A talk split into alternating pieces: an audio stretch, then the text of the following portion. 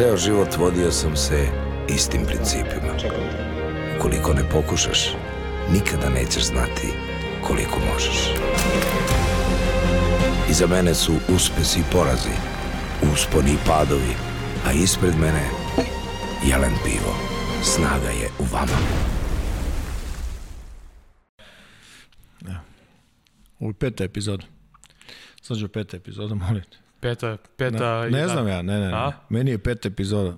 To je Groundhog Day. Večita peta epizoda. Da. Ti si Bill Murray. Sam si kriv.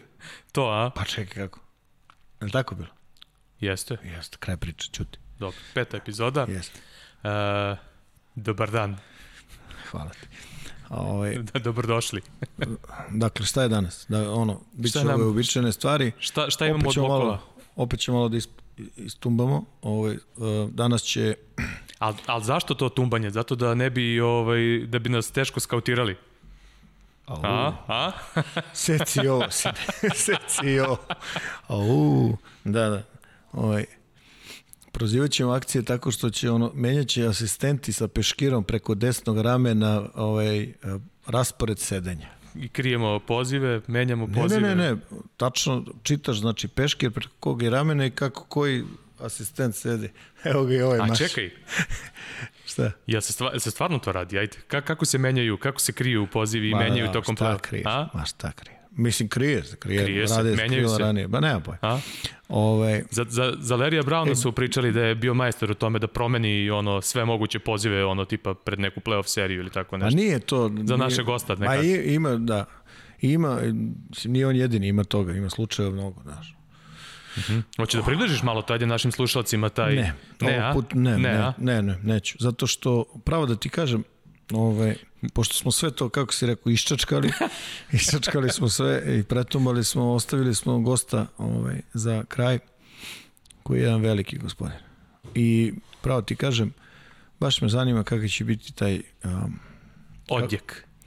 ne znam li to prava reč, ali Eho. kak, kakva će biti reakcija ovaj, te naša priča s njim i ovaj, ali baš mi je drago što je što smo ga našli, što smo ga doveli, što je s nama pričao i, i, i pričat će i ponovo, doći ponovo, daj Bož. A što se ovoga tiče, šta je, znači regionalna liga, ono, na, na Pa ne znam, ništa novo, mislim generalno Da. ono, Zvezda bez poraza, CDVita Olimpija bez, Bez poraza, poraza, budućnost bez poraza, budućnost i mega. mega da. da. dobro. Igraju Zvezda, Mega Zvezda sada za vikend, što je jedna ovako od interesantnih utakmica. Da. Partizan dočekuje se Devito Olimpiju, takođe jedan od derbija ovog kola. Jest. I, ovaj, I generalno dole na dnu uh, dva hrvatska predstavnika, Zadar i, i Cibona i, Kopar Primorska koja se, eto, znamo već da imala Da. ovaj, preplojema, o tome smo sve ovaj, upoznati. Cibona potpisala Markotu, vratila Markotu, da tako kažemo. Jeste, budućnost, Budućnost Delavalea. Delevala se doveli umesto Vona i pff, ne znam se još nešto izdešavalo, ne pravim pravo. Ti Da, kažeš što u tiče odnosu tih... na prethodnu epizodu i Luka Mitrović je potpisao za budućnost. E, bravo, Luka to nismo- Mitrović, da, na, na, kao doveden je kao... Ovaj, Kao zamena za Aleksu Ilića koji je nažalost povređen. Jeste.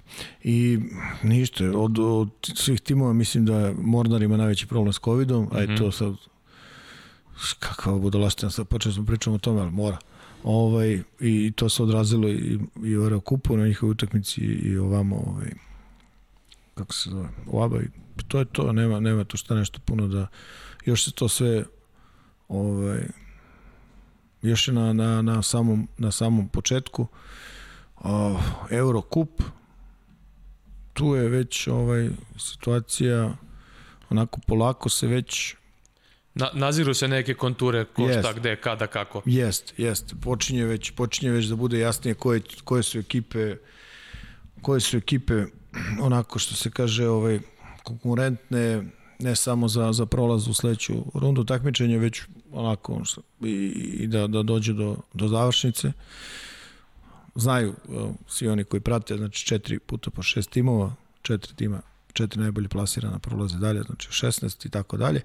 U grupi A u kojoj Partizan Juventud je i dalje neporažen, Tako je, znači imamo neporažene Juventud, Trento koji je jedno od ovako Trento prijatnijih i, iznenađenja. I, i Virtus, ovaj, Virtus u koji- grupi C. U grupi A ova Partizanova grupa, znači Juventus na 4-0, Partizan na 2-2 i ja mislim da može već da se kaže da je ovaj, ovaj tvoj omiljeni tim Bahče Bakče Šehir. Šehir ovaj, sa 0-4 ne vidim da, da mogu da, da nešto promene ovaj, u svojoj koristi da, da, Posebno da, što su tri utakmice kod kuće igrali Jest. u ovom prvom delu. da, da se nešto ovaj, planiraju za, za, za sledeću rundu. U B grupi su iz eh, ovog našeg okruženja ovaj, budućnosti i Mornar. Budućnost na 3-1, Mornar na 2-2. U budućnosti Unikaha vode, vode tu ovaj, B grupu i to je nekako i očekivano. Ja se samo nadam da će oba predstavnika ovaj, o, naše košarke, da tako kažemo, ovaj, proći dalje i, i proti, kažem, nema neku i, i ovaj, sumnju u to. A, grupa C koja je po meni najkvalitetnija, ima, da. ja mislim, tri ovaj, vrlo ozbiljna a, tima i kandidata Tri za, za, kontendera, to je Jest. bukvalno. Ovaj, to su Virtus, uh, Kuban i ovaj, Monako. A, Virtus je na, na vrhu sa 4-0 i utakmica iz Eurokupa ove nedelje koju, koju smo obradili malo je ova upravo Monako i, i ovaj, Virtus, da.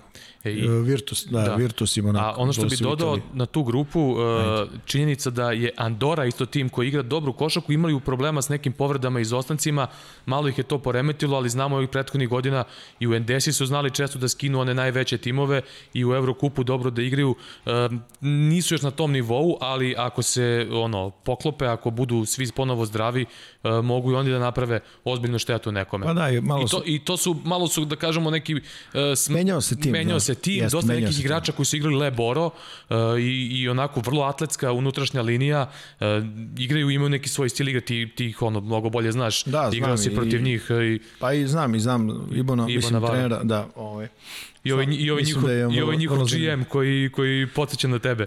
Kad sam ga Čuj, video u tre- kad sam, kad, sam, kad sam ga video u televizu pre par godina, bukvalno teo da mu kažem gde si Gile. da, da, da, Neverovatno. da. Šta ste da kažeš time, molim? Pa ne, ne, Ne, ne, pa ne, liči- razgovarat ćemo, ajte. I ova grupa gde, ovaj, gde Trento, eto, do, pravo ti kažem, nešto dominira i iza njih je ova Gran Canaria, Da, da, koja ne- nešto ne- igra vruće ladno, računajući i špansko prvenstvo. Neočekivano, za, mislim neočekivano za Trento. Trento je doveo Gerija Brauna koji je igrao prošle godine dobro u Darušafaku i imaju dva interesantna potpisa e, koji nisu ono u evropsko iskustvo, ali koji onako imaju, Luka Meja znamo ono svi sa, sa North Caroline, da. e, sad snalazi se fino, polako se namešta i taj Jacori Williams koji onako e, koketiralo se dosta i prethodnih sezona, ovde pominje se za neke naše klubove. Pa I on je onaj pravi undersized energy ovaj, giver, što se kaže, mm -hmm. momčina koja igra sa, sa puno želji, to se vidi onako igra, znaš, tu ne, nema tu neke uh, kako bih rekao nema, nema tu ničega aj, glupa reč, fancy, ali, ali ovaj, posebno, ali prosto igra sa puno želja, s puno, Da, da, da. S puno onako energije i meni se to sviđa. Mm -hmm. Meni se to sviđa, ono što zna radi, to je, to je ovaj, sve ok. Uh, u toj grupi je i ova CDVita Olimpija, trenutno je 1-2. A sad da li će da, da ovaj, da li će da, da, da, da, da uspeju da, da, da se ovaj, slože do tih četiri, ja nešto sve mislim da hoće. Pravo ti kažem, ovaj, mislim da je dobro za regionalnu ligu da, da sva, ovaj, svi timovi prođu ovaj, jednu rundu dalje, to prosto daje neku novu težinu ovaj, E, a ovaj, tom celom projektu. Kad smo ono, kad sam ja ono nabacio u jednoj od epizoda da kao uvedemo blok o igračima. Slušaj, nabacivanje i čačkanje. Ajde, Da. Ajde. E, kako se zove, Bursa je debitant ove godine, imaju 0-3 da. na samom startu, ali oni imaju nekoliko, ok, promenili su trenera, ono Serkan Erdogan koji je radio dobar posao, nekada sjajni strelac, zamenio ga je Tut Koači koji mu je bio pomoćnik, takođe bivši igrač Ulkera. E, Nekoliko interesantnih potpisa, ono, Perry Jones je ostao tu od prošle sezone, e, potpisali su Xaviera Manforda, koji je onako imao nekih dobrih igara sve vremeno u, u razvojnoj ligi, Malik Newman, e, nekada velika nada ono srednjoškolske košarke, napravio onako jedan čudan izbor e, kada je univerzitet u pitanju, zbog oca je otišao i, i od, odbio, da kažemo, ove jače ponude, pa kasnije tek uh, došao ovaj, na, na Kansas i tako dalje, malo usporio svoju karijeru, ali jedan sjajan strelac u osnovi um, i, ovaj, i Daniel Hamilton, koji je takođe meni onako vrlo interesantan potpis uh, i, i do, dobro igra generalno, ali eto, 0-3 ekipa Burse, pa eto, kao teo sam njih da, da spomenem zbog tih nekih igrača, da ih predstavimo, ove, ok, Manford je već bio u Evropi sve vremena, to i čak u Barceloni, ali nije tada imao neku neki preveliki prostor. Pa igrom slučaja, ovaj, ja imam, imam tu neke informacije oko, oko Bursa, oni su dugo uh, razmišljali da li dovede stranca ili da, da daju Adžiku ovaj, šansu. Da se sad, ono, da li, da li misle da, da su pogrešili, ne, ja to ne znam zaista, ali ono, generalno jeste, ima, ima tamo talenta, ima igrača koji ono, što se kaže, treba pratiti malo za dalje, znaš, da se, ja. vidi, da se vidi kako će da se ono razvijaju. Neki od njih, mislim, složio bi se s tom da, da su ovaj, spremni za, za, ovaj, za sledeći nivo. A, generalno, generalno ovaj, mi smo isekli tu utakmicu ovaj, između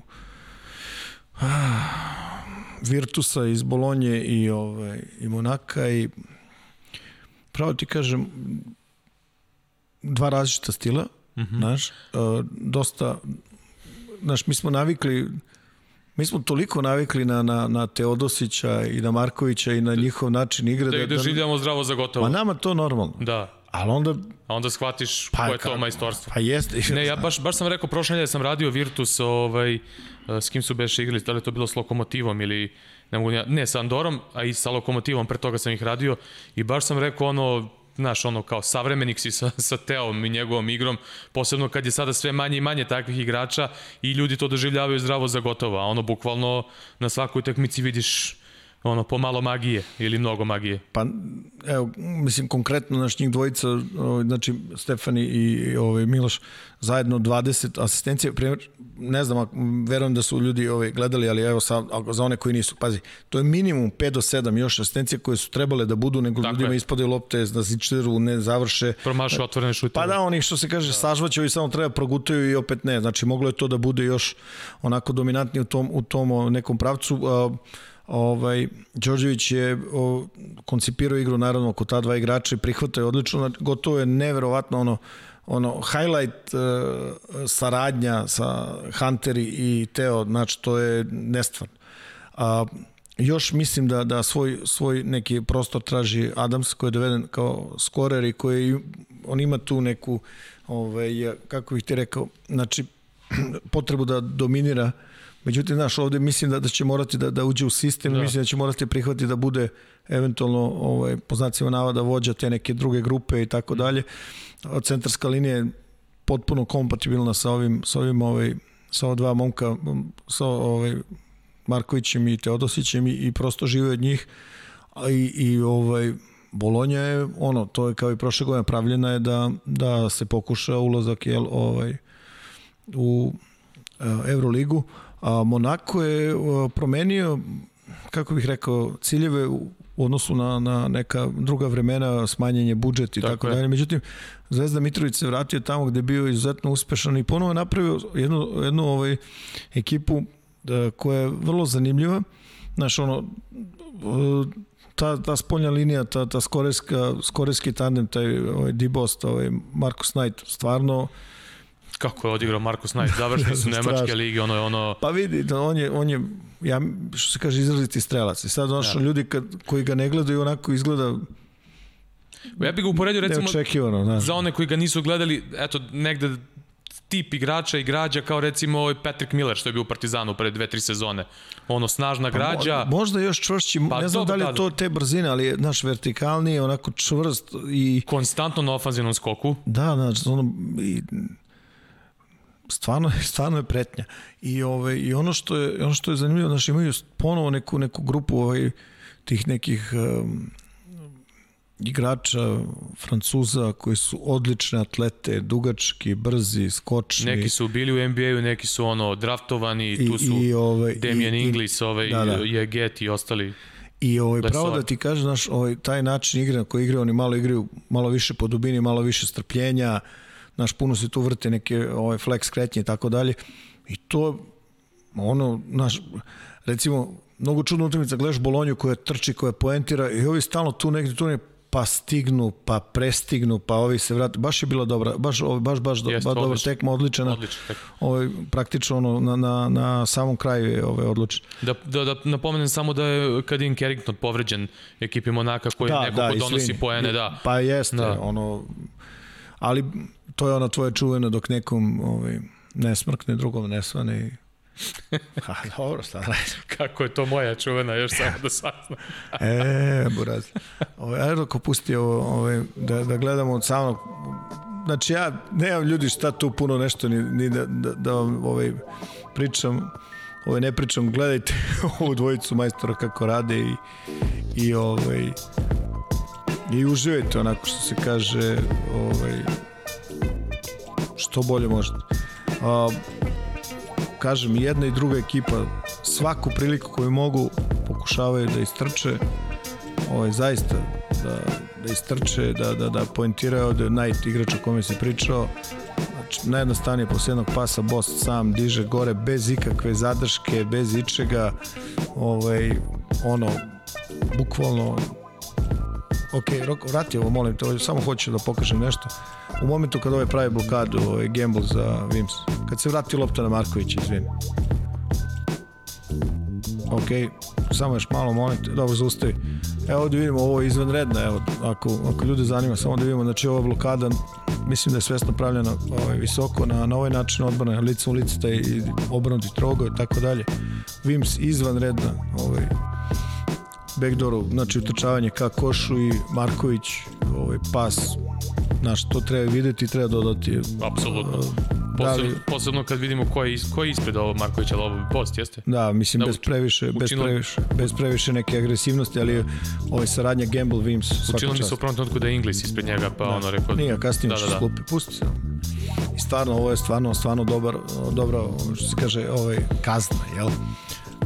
Ovo, je, ovo su to neke od tih flex opcija koje, koje igra ovaj Monako sa, sa ovaj Mitrovićem i to je onako strpljivo i, i Strpljivo. sa puno skoka u napadu vidjet ćemo, znači svi živi. Ovo je, ovo je početak to je, mislim da je Teo bacio, vrati ovo molim te još jedan A inače, e, i sa Asfelom, recimo Zvezdan, ono pre dve godine protiv Partizana u Eurokupu na taj flex e, toliko pojena ispod koša dao da u pa znaš pioniru. kako to on Da, poznaje čovjek. Pogledaj bez driblinga odmah tap da. Ovaj Ali Begović je istrčao i to su ono što kažu, laka dva poena. Ovaj meni ponekad, pravo ti kažem, smeta mi, znaš, kad kažu kao dao je poene u kontre, kao da, kao da ovaj, Ko da je to lako. pa ne, kao da je to nešto loše, mislim, majstore. Znaš, izvanredno ovde kradeno saradnja dva, dva visoka igrača Hunter je ovo je Brian koji je pričat ćemo neki drugi put o njemu jedan zanim, zanimljiv onako basketaš pravo da ti kažem ali, ali ume, ume da bude neprijatan ovo ono Da, da, da, što što je. i ovde je bacao, ovde stvari bacao Eliju po Hunteru, vidi da nema košao bi uvotio, ali ispade na kraju ovaj Ob, ovaj, Šut. obruč je zasmetao da bude zakucavanje. šut, znaš. Ali eto, ubaci tako može. Uh, ovo je, ovo je, e, ovo je ta neka saradnja gde lopta ide na, na Huntera i, i vrati se još jedan put. Teodosić praktično uh, fintira tu blokadu, još malo molim te na kad lopta ode dole, kad ovaj mali spusti, Lebegović spusti loptu, ok, stani. I ovde je to, taj, ta saradnja sa blokom u leđi i sa, sa handoffom gde praktično se sve drugo manje čita osim ovog zadnjeg ovaj, i Teo odmah. Znači kad god krene unutra Hunter ga prati i njih dvojica imaju tu izvanrednu saradnju stvarno.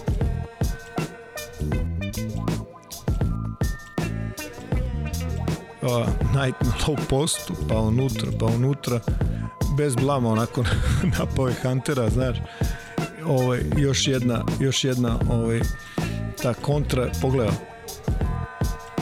Znaš, samo da gledaš i da uživaš, pusti me. Deluje, deluje ono svima kao to bi mogu ja da uradim, a u stvari Pa baš zato što tako deluje, zato To i jeste stvar majstorstva, Pa normalno. Znaš, majstori čine da stvari izgledaju lako. da, ovde ovaj, Ali Begović presekao loptu glavom.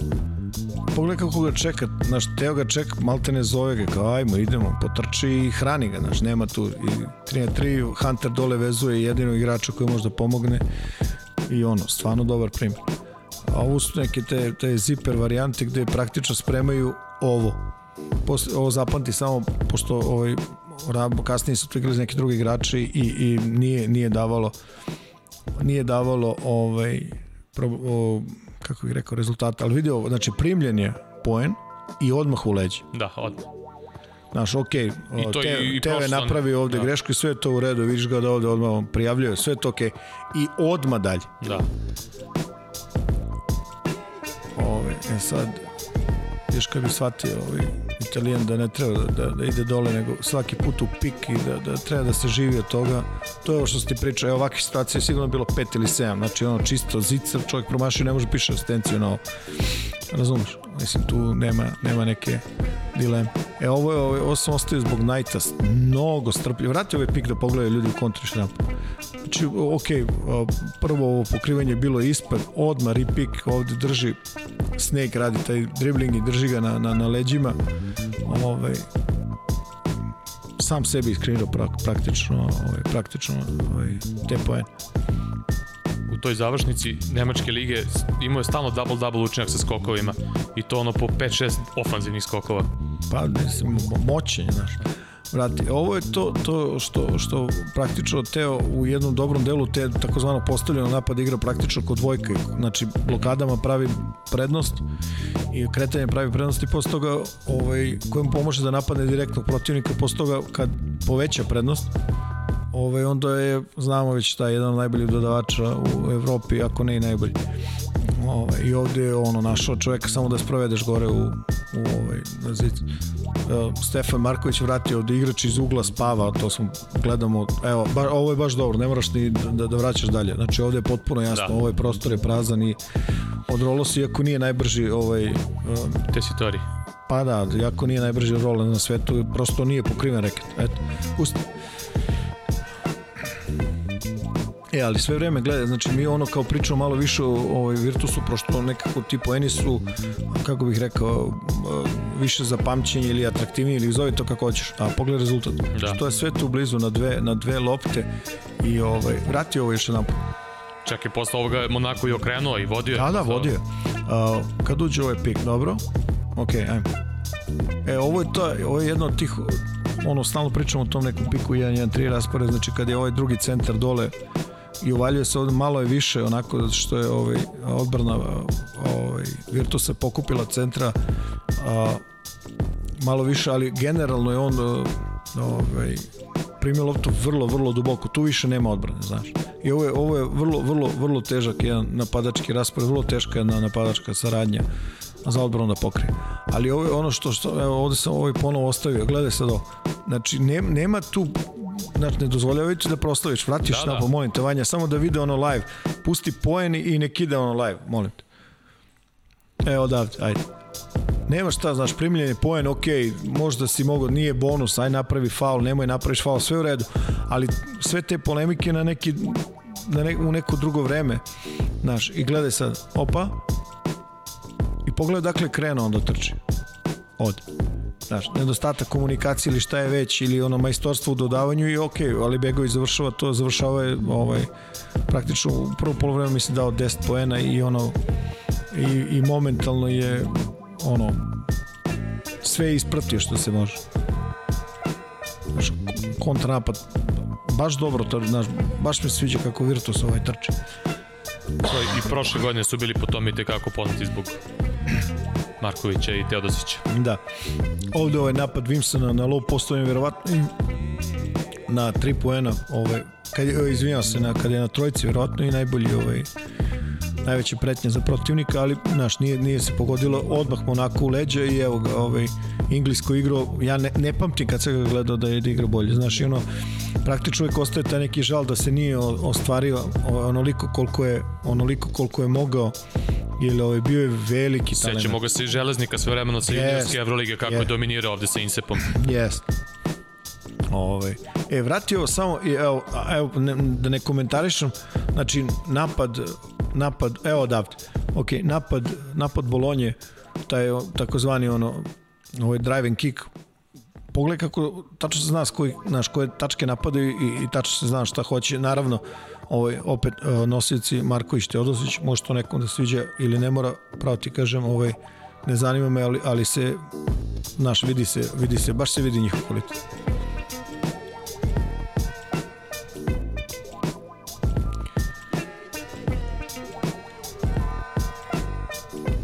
Opet minijatura jedna naš, ono, za, za tri igrača gde se opet, opet se koristi praktično ta petica za ovaj više za, za nekog nazovi dodavanje. Vratio, samo, samo e, ovo mlađi ako gledaju, pogledaj ovaj, napad Markovića na close out.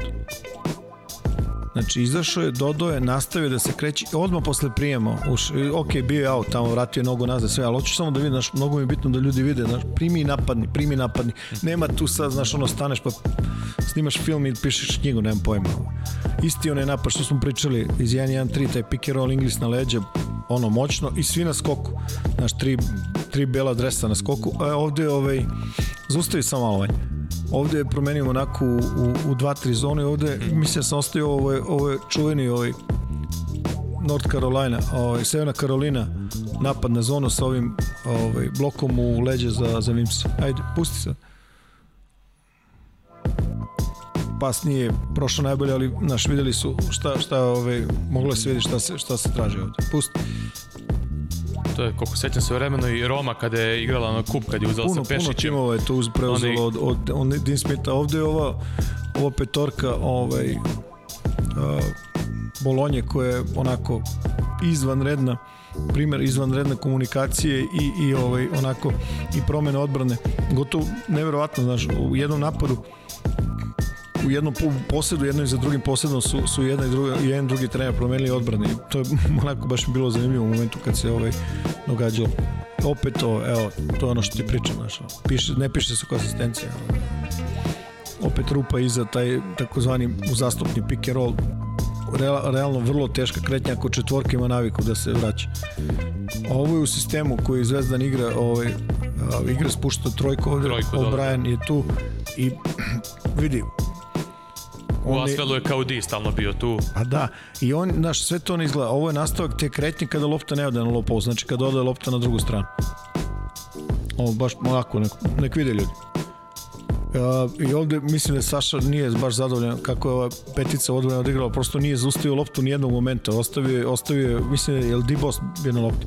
Ostavio mu da bira šta god i ovo baš velika rupa u sredini reketa, znaš, nije, nije idealna opcija.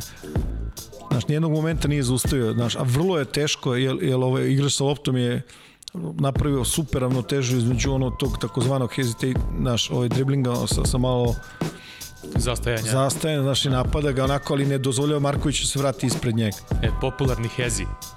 Hezi, eto, ajde. Ovo je kao, ovaj, Hezi mi zvuči kao onaj usisivač. Ajde. Evo, to je ono što si pričao, plus 3 za, za Monako i posle svega i svih onih poena iz da, kontranapada da, da. i svega onoga. Ko, koje mogu da te slome, bukvalno te urniš. Pa, mislim, znaš, ako treba se da, da, da nešto što obeležilo jedan deo, ovaj deo do sada utakmice onako kontra Bolonje i skoku napada Monaka. Ajde. U, ovde vratio. E, ovo je taj pick and roll gde napadaš stranu sa dva sa dva napadača, vrlo neprijatna situacija za odbranu, samo još malo vanja molim. E, dobro, ovo je okej. Okay. Da vidi ovo. Vidi.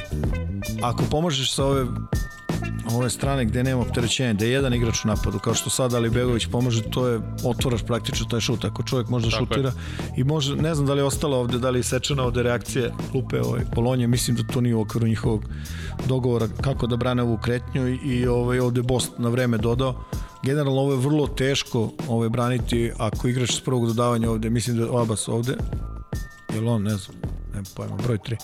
A? Ne, ne, ne, ne, ne, ovaj, ovaj koji je na prvom dodavanju, koji brani 22. Ovaj, mislim da on tu mora da bude mnogo aktivniji, međutim, evo, ono, popiše trojku zbog toga. Pusti. Jeste broj 3 ovaj. Ko je broj Abas, Abas, Abas, Abudu Abas. Jeste. Pogledao. Ajde. Znaš, ovo su ovi napadi Markusa, najte, o, o, našu prijem, prijema lopte ove. Ovo je jedino što trebalo dode do kraja, ali nema veze.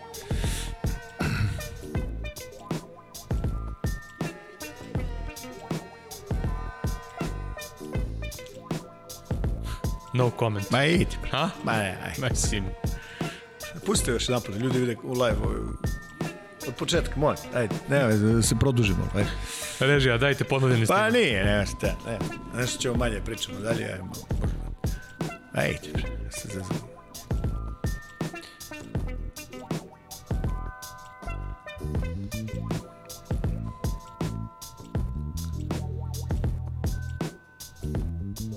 Strelac.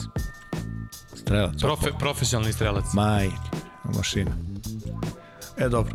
Vidio si ovo, znači ovo sam pre toga, znaš kad sam ti rekao da zapamtio ovaj napad? Mm -hmm, da. Kad Teo izlazi iz pika. Da. I otišao je čovjek, napravio prednost, otišao da. Ovo je kada igrač koji nema te kvalitete, ušte nije bilo problema, mislim čak da je ova odbrana ovaj, Monaka to preuzela bez ikakve problema i ostaje ovo sam ostaje, vidi Najta koji Huntera drži mrtav vladan, skoči on po loptu i povuče kontranapad.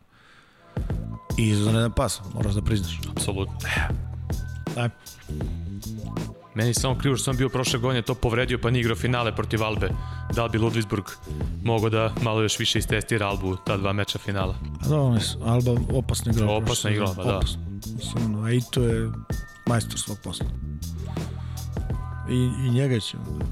Apsolutno. Ja da čekam tu epizodu. Polako.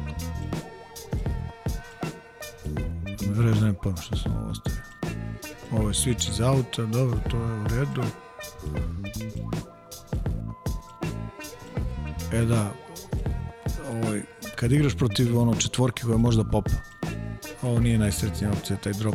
Mnogo teško se stiže, ovaj, mnogo teško se to, to stiže da, da, da zaustaviš loptu i da ovaj, i to je to je deo te utakmice stvarno ovaj Ingles je ono što se kaže dominirao ovde je taj neki switch i uh, boga mi je to vrlo vrlo strpljivo i, i ovaj i iskusno ono što se kaže ovaj napala bez bez ovaj nekih uh,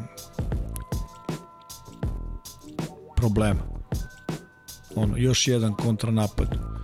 Ovaj još jedan kontranapad. Baš onako živa utakmica bila bez ono kad god se moglo oni su igrali i jedni i drugi ovaj Radio sam i komentari uh, i gledao dosta ovih utakmica Evrokupa bez dileme jedna od najboljih, ako ne i najbolja ove sezone. Da, ovo je super napad, ovo je školski napad. Pa vrati ovo, molim se. Ovaj. Znači ovo je bukvalno ono ljudi da pogledaju i da skapiraju, znaš, kad ne mogu da dodam dole, znači sprečena otežana komunikacija između igrača sa loptom i centra dole, znači velika agresivnost na lopti, dobra pozicija odbrane, taj flash, flash da. takozvani da. sa strane pomoći na penal i povratni pas, naš kazna, kazna velike te pomoći ovaj, od toj igrača na lopti. Ono, baš dobar, dobra odbrana, dobar napad opet ono, znaš, to, to, to, taj Steger, Teovi, ovde O'Brien zaspo, nemam pojma zašto se zalepio za igrača u uglu i to je ono zakucavanje. Ajmo. To znaš ono kad čuvano kad pitanje kaže ka, kako branite ovo i ono, pa zavisi ko napada. Pa, bukvalno. Pa, Pominjao sam prošle godine na duelima Partizana i Virtusa te Stegere za Tea, jednostavno ono, što kažu amerikanci, pick your poison. Vidio. Vratio još jedan. A, vrati na početak ovaj moment. Znači ovde izlazi iz zipera, ovde, ko je izašao? Teo, vrati još, evo ga. Da. Znači taj sa ziper sa četvorkom, ajmo, pusti. Ok, uh, O'Brien svesto na, na Teu da bi mogao se preuzima pick and roll, ajmo odrade, propadne ovaj tvoj čuveni španski pick and roll u leđa, sve ok, front, težak front i Teo, puf, ajmo. Ali vidi, ovde, zustavi samo sekund, moram pohvalim ga, na, na otprilike 7 sekundi na kraju kad je skapirao, ne može primi loptu, izašao iz sobe, nok je napolje ušao da ne bi bile 3 da, sekunde. Odlična da. koncentracija. Ajde. Jeste. Najjednostavnije, evo ti, naš ono kraj utakmice ne reš, najjednostavnije ono takozvana mali mali blokada u leđi i dala je rezultate. Ovaj uh, Bolonja inače ovo mislim da nije pokazao Saša do, do praktično do ovo je prvi put da je zvao ovo, ovu kretnju na, na utakmicu. I prošla je trebalo bi da bude automatic switch, ovo je preuzimanje, međutim nije bilo vidim zvezdane, ovo je dosta ljutno Brian. Isti taj primer, samo ovog puta su preuzeli, pa su preuzeli ponovo gde eto, naj, takav kakav je, naš nije najveća onako prednost, ajmo, pusti.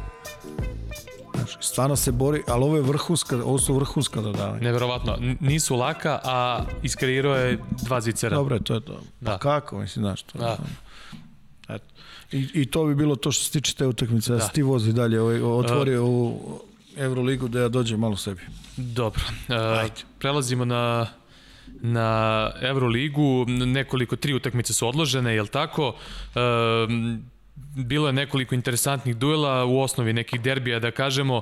Žalgiri se doživao prvi poraz i to na domaćem terenu, rekli smo u četiri kola uh, su četiri pobede, od toga tri na strani, uh, izgubili su od Valencije, uh, pao je... E, čekaj samo, izvini što te prekidam.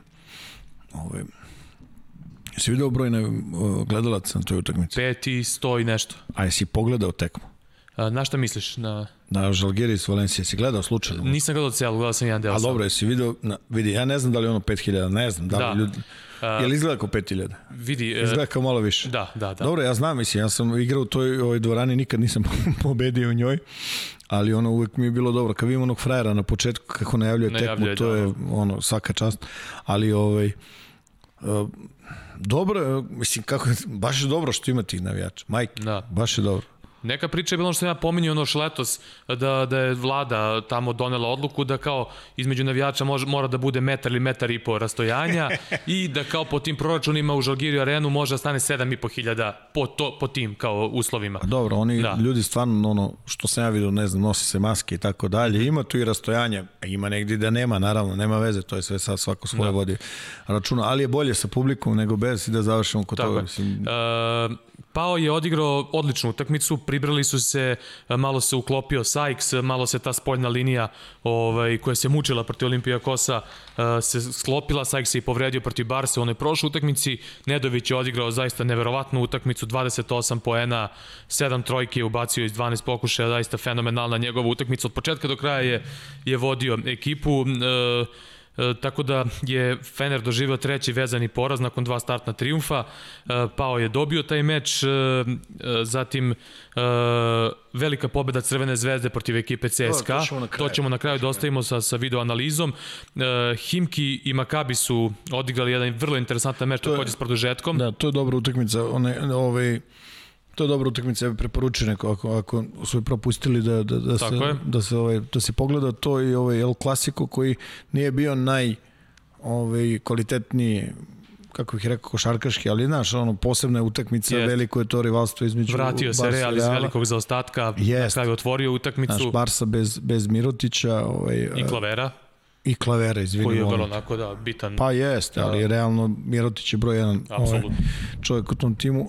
Real, Nekako ove godine ono još uvijek malo sporije to. Sporije. Dosta sporije problema s povredama, dosta igrača im fali pa ih vraćaju, pa, pa jest. drugi ispadaju. Ima, ima tu još jedna stvar, znaš.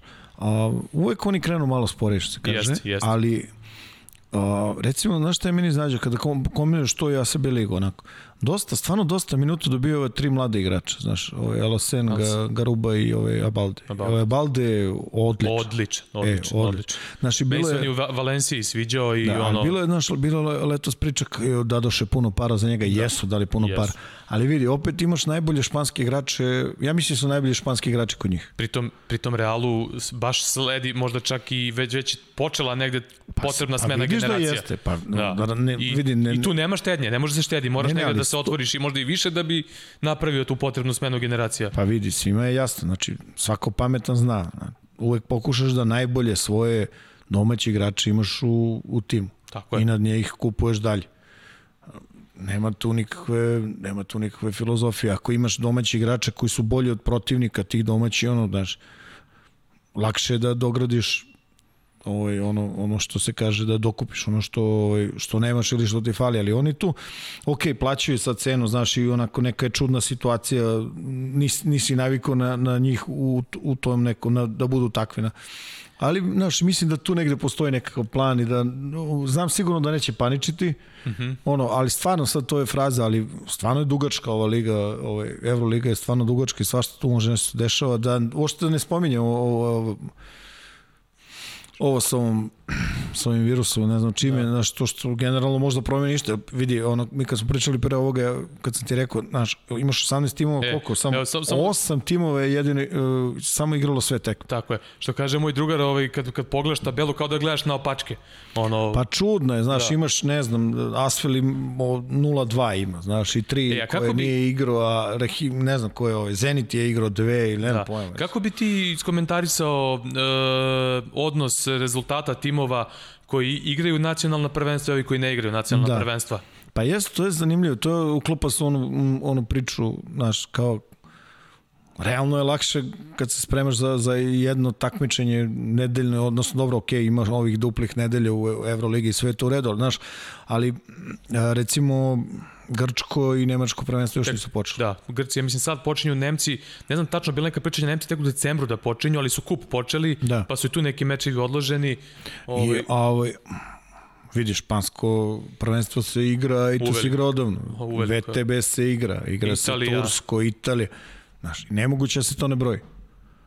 Na, recimo, meni znaš što je zanimljivo, ove prve, ove tri ekipe koje su u ovom momentu, znači danas posle pet kola na, na, na, ove, na vrhu su tri ekipe koje su promenile trenera. Tako je, da kažemo da je Bayern, da je Bayern zabeležiš jednu Bayern, pobedu, dobili su Olimpijakos. i, i ovaj, Bayern, Žalgiris i, i Barca su na vrhu, ali kažem, dugačka je, dugačka je sezona i znaš, ima tu neki timova koji su sada onako po znacima navoda nešto slabije ove polože, ali sigurno će tokom sezone da se da se ovaj provude. A strelac broj 1 Jordan Lloyd i Lloyd. dalje, ništa se nije promenilo. Ništa se nije promenilo. Promenilo se jedino da je poboljšao svoj rekord. Vidi, promenilo se to da nema respekt kod sudija. Odmah da ti kažem. Znaš, nema, prosto ga nema. Okej, okay. Nije sad da je ono 8 godina za redom bio prvi strelac Euroligije, pa sad kao normalno šta god da se desi oko njega, ne možeš da ga pipneš, Beli je medvjed i tako dalje. Ali igra dobro od početka, znaš, i ono, Ne znam, mi smo već pričali. Pričali smo kad pričali smo ga predstavljali to. da ako bude imao respekt kod sudija da će to vidi, ništa po, de, nije, po 10 penala imati na utakmici. Vidi, ništa se nije promenilo, ništa se nije promenilo na ovoj utakmici protiv CSKA. Mm -hmm. I odmah ti kažem nešto. O, mnoge te stvari. Evo vidjet ćemo posle, ja sam ostavio recimo neke klipovi i tako dalje. Ovaj, samo zamisli da je puno dvorana. Zamisli šta bi to bilo. Mm -hmm. Znači u onom jednom momentu kad je... Pa ono dva vezana ili upa, to bi izgorelo. Kad je Teri da. dominirao, pa to je eksplozija. To je eksplozija, bukvalno. E, i sad, znači, rekao... I nije zaista... isto, bre, nemoj se zezamo, nije naravno isto. Da nije, znači, naravno da nije. nije. I negde smo i konstatovali da će Partizan i Zvezda ovaj biti onako među najvećim gubitnicima u tom smislu što A, se igra no, bez publike, mislim. Čak, čak i da u ovim nekim promenjenim uslovima da Partizan i Zvezda na svojim utakmicama imaju, ne znam, 20% hale, to je opet velika razlika. Pa u odnosu na druge timove. Pa sad kako nije, mislim, A. prosto ni, ne, ne treba budeš nikakav, ne znam, ovaj naučnik nije to počelo juče, to se gradilo godinama, Naravno. godinama, godinama i prosto je drugačije se doživljava sport, košarka i takmičenje ovde nego u nekim drugim mestima. Da. Šta da radim? E, ali sad ono što, što bi ja volao da istaknem, Ajde. da se sad i da malo više kredita i trenerima i igračima. Jer sad u uslovima gde nema publike, uh, Zvezda uh, pobedi CSKA, uh, raznese Baskoniju, Partizan je ono, Veneciju razne u onom drugom kolu i tako dalje, tako dalje. Dakle, uh, uspevaju uh, ovi naši velikani čak i bez te velike pomoći navijača da da dobijaju ovaj uh, kako se zove velike protivnike tako da i malo bih i njima da da damo neki kredit u tom smislu ovaj kad se priča ono, često se ranije uh, kao atmosfera, sjajna atmosfera, pa se malo negde baci u drugi plan, ovo što je meni često znalo da zasmeta, malo se baci u drugi plan to što su radili igrači i treneri na, na, na samom terenu. Slažem se. Malo, dobro da si ti to rekao. Da. Ovo vjerojatno bi drugačije izvučilo sam ja rekao. Ali generalno, znaš, ovaj, ovo je, Dobra je to pobjeda. Ovaj, Velika zvezda. pobjeda, a, Jest, posebno kad uzmemo u obzir da su se vratili iz minusa od koliko je bilo 14 razlike. Uh mhm. -huh. Tako da protiv jedne ekipe kakva je CSKA, bez obzira da li oni imaju problema sa igračima koji su bili bolesni, Milutinov je imao malu minutažu, jer je evidentno da, da se još nije ono skroz oporavio od COVID-a. Ali je takođe evidentno dok je bio unutra, to je bio plus. To je bio plus, da. Razumeš? Pa, I to se videlo na kraju i u završnici, onim nekim uh, situacijama da je on bio A, na terenu umesto recimo bi Fogmana. Drugačije. drugačije bi bilo u pick and roll odbrani sigurno, verovatno. Pa, drugačije opcije. Vidjeti, kažem, nisu oni ludi, znaju šta su uplatili, šta Tako su, je. mislim, razumeš, on ima momak e, svoju vrednost na tržištu takvu kako ima i nije mu pala sa neba, sve se to zaradilo i zaslužilo i to je tako i nema šta sad, mislim. Evo, što kažeš ti, to je odlična prilika da bila da ljudi vide zašto je ovo ovako, a zašto je ovaj drugi o, o, drugačije tretiran e, između ostalog i finansijski, razumeš? Prosto... Ako ništa drugo, onda bar od strane NBA skauta i, i franšiza, ali tako?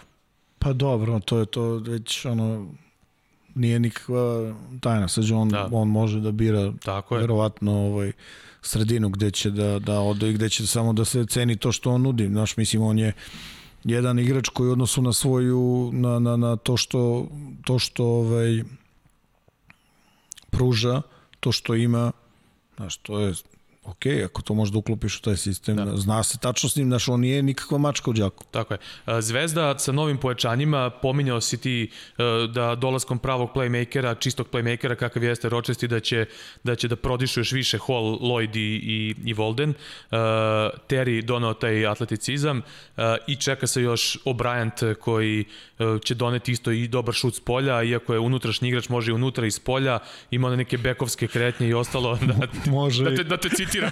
Da te citiram. Ček, stan. Znači, može, kako ide? Može i za dva, može i za tri. Tako je. Ajde, do, ajde nisam rekao to. Može, može i na low postu. Ne, može. A, da ti kažem nešto. Ovaj, bilo je raznih komentara kak, kakvi su kakav je kvalitet tih poslednjih zvezdinih e, ne volim ja reći tu pojačanje nego poslednjih igrača koji su se priključili zvezdi. Mm -hmm. Aj tako da kažem, znaš, da ne stavljamo nikakvu niti da ove što su tu da nešto malovažemo ili da, da ovima dajemo nešto unapred, ne znam koliko kredita. Vidi, Ročesti je sam najbolje rekao, je rekao ja, sam, ja vraćam se kući po znacima navode, on je bio to, on tačno zna, znaš, mnogo je bitno, mnogo je bitno da on razume procese vezane za klub kako funkcioniše mm -hmm. klub kao što je Crvena zvezda, za ljude koji donose odluke, koji ga vode i on to poznaje, on se tu dobro osjeća, očigledno čim se vratio, razumiješ. I sad, može, ljudi pričaju jedno ili drugo o njegovim kvalitetima, ali pazi, znači, kad pogledaš unazad šta je sve uspeo da uradi u svojoj karijeri, šta donese i šta se od njega očekuje ovde, ovaj, ja mislim da to je jedan dobar potpis. Znaš, to mislim da je jedan, jedan dobar potpis. Sve zavisi koliko su očekivanja. Pa to, to je ključna stvar, da. Pa mislim, znaš kako, to je koren svega. Svakog nezadovoljstva je ovaj koren u stvari očekivanje. Najlakše je da staviš preveliko očekivanje. Mm -hmm. Znaš, ono. I mi očekujemo, pa čekaj, polako. Možda sad neko očekuje da Ročesti daje 30 korani, pa ne, ali mislim da ovaj, da ovaj tim nema potrebu nema za tih 30 pojena. Ma da. uopšte nema potrebe. Da. Vidi, Uh, Terry je neko vreme bio na tržištu i imao je šansu da završi nekim drugim timovima. Mm -hmm. Završio u Zvezdi. I, ok, Zvezda s jedne strane rizikuje s njim zato što nije igrao na ovom, na ovom nivou. nivou da. Prosto nije igrao na ovom nivou. Ali ono što on donosi, to prolazi na svakom nivou. Tako je. Znaš, to je energija. Kako kažemo, high risk, high reward.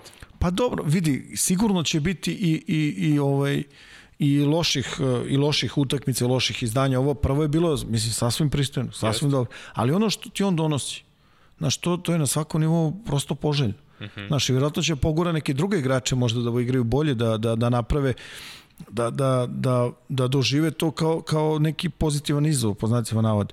I ovaj, e, isto tako, za razliku od njega, znaš, sa, sa ovim Bryantom tačno znaš šta, šta dolazi. Tako je, dolazi bivši NBA igrač i bivši evroligaški igrač. Jest, I, i ima tu jednostavno što je vrlo važno. On je trenutno tu, tu neku ulogu igra ovaj, e, u Zvezdi Kuriđa i mogu pričati ljudi što će. On to igra dobro, bre. On to dobro igra, čovjek i ono, značajan je deo i on je stvarno on to 45 ili 54 kako hoće, znači kao neki mm -hmm. hibrid između te dve pozicije.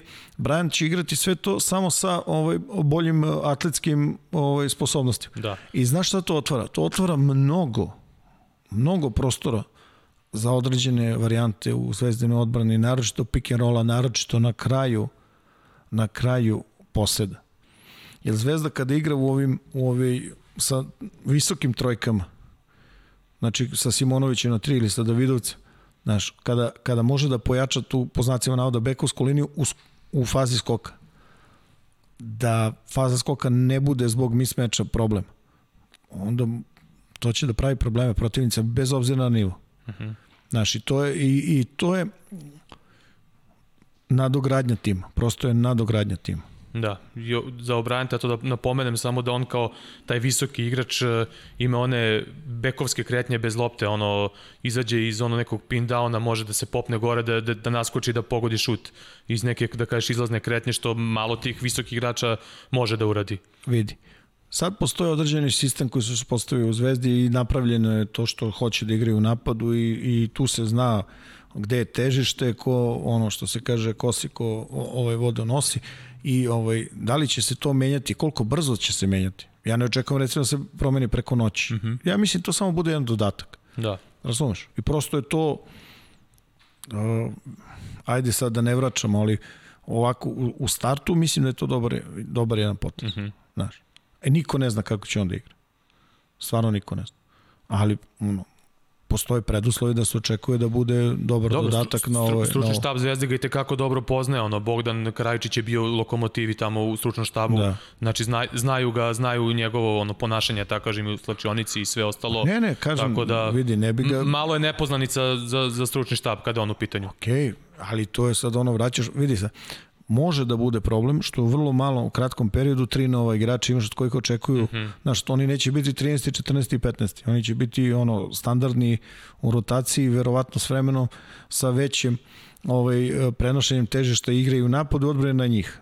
Znaš, e, to može malo da uzurpira ono što je do sada uspostavljeno, ali ono kapiram da, da, da i to znaju i u Zvezdi i da će da, da povedu računa o tome. Mislim, nema, nema tu nekih, e, ne verujem da će tu biti nekakvih e, iznenađenja ili kao ja šta uradi smo.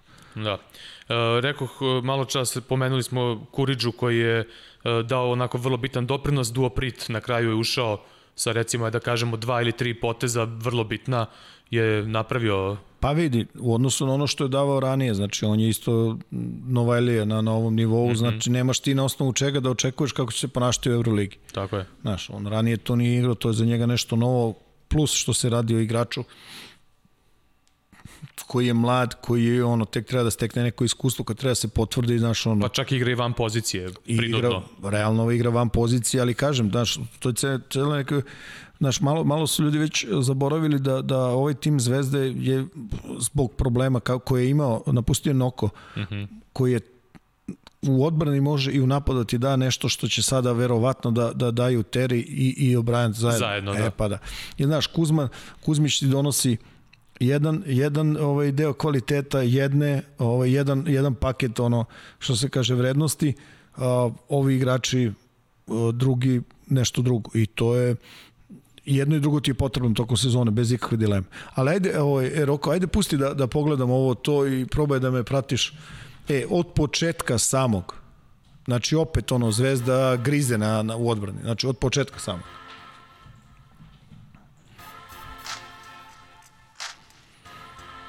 Znaš, ono, svih pet, svih pet u, u, u ono, vrlo agresivno i, i tako dalje. Nema da vraćaš dok ne bude rekao, molim te i, i znaš, završava se nekim ono prosto teškim, teškim šutima i baš teškim šutima za, za ovaj za CSKA. E, ovoj utakmicu je vrlo dobro ovaj, otvorio recimo hiljad, međutim posle toga nešto onako, da li ga zaboraviš, da li ne znam, da, da, li, mu ne, da li mu se ne veruje dovoljno, ovde vidimo onako i na vrhunsku, vrati ovanje molim, i na vrhunskom nivou se dešavaju ono, ono što stalno pričamo, znaš, taj nedostatak komunikacije. U momentu kad Loj dobije loptu, ok, Milutinov ostaje vezan za, za Kuzmića u isto vreme, evo, pusti samo malo napred, ovaj, ovde se očigledno je potpuno da da Heket traži, traži pomoć, igraju da. takozvanu ono, ice no middle ovaj, odbranu, međutim eto, Lloyd to odmah prepoznaje i odlazi do kraja, prosto Klajborni i ovaj, Ko je ovaj drugom korneru bio? Nisam video. Nisam vratio pažnju. I Kurbano, da, i Kurbano je počeo, ovaj, su ostali vezani. Ovo je ono što gledamo svak, na svakoj utakmici na Euroligi, taj pick and roll u Kastredini, ovaj, gde moraš da nađeš, prosto moraš da budeš spreman. Vratio, molim te, gledamo Milutino, a, moraš da imaš to spremljeno, potpuno očišćeno kako hoćeš tu da, da se funkcioniše. Heket igra, pusti, I vidi sad, znaš, ne možeš da kažeš da, da Kuzmić nije u poziciji i tako dalje, međutim ovaj, tu se još uključuje Klajbor na skok i, ili Hilliard, nemam pojma. Znaš, i, i to je ono što plaćaš, znaš, tu, tu prisutnost ono, u reketu. Ovo je ta situacija koju smo pričali, ovaj, gde se ono, lopta prenela, pusti, gde se lopta prenela ovde na, na stranu i, i automatsko preuzimanje na poziciji 3-4, pri čemu ono CSKA to je vrlo, vrlo puno igra. Kurić agresivan i to je ono, iznudio panel. U odbrani. Opet, e, kažem, taj pritisak e, na lopti, pritisak na uvodni pas, međutim Clyburn, ovo je, ovo je inače, ovo je nije slučajno, su nekoliko puta radili. Da, da, 4-5 i pick and roll i to. Pa nije roll, da, ali... Vojtman dole ulazi u, u, u livadu. Sil, da. Jest, ulazi u sil, ono, vezuje Kuzmića i Clyburn prepoznaje da ima da, brzinsku prednost sa Simonović i to je, to je ono, nije slučajno ispol. I to čak i na Final Fourima pravi razliku za CSKA i uđe čak i u pik do kraja u ovim situacijama. Pa on je generalno igrač koji je onako formacijski trojka koji može da igra na četiri. Ajmo pusti. Znaš, ovde je veliko pitanje u napadu ko šta igra, da li Kurbanov igra četiri, da li on igra četiri, znaš, ono, igri ovaj, pomešan. Ali ovaj, uh,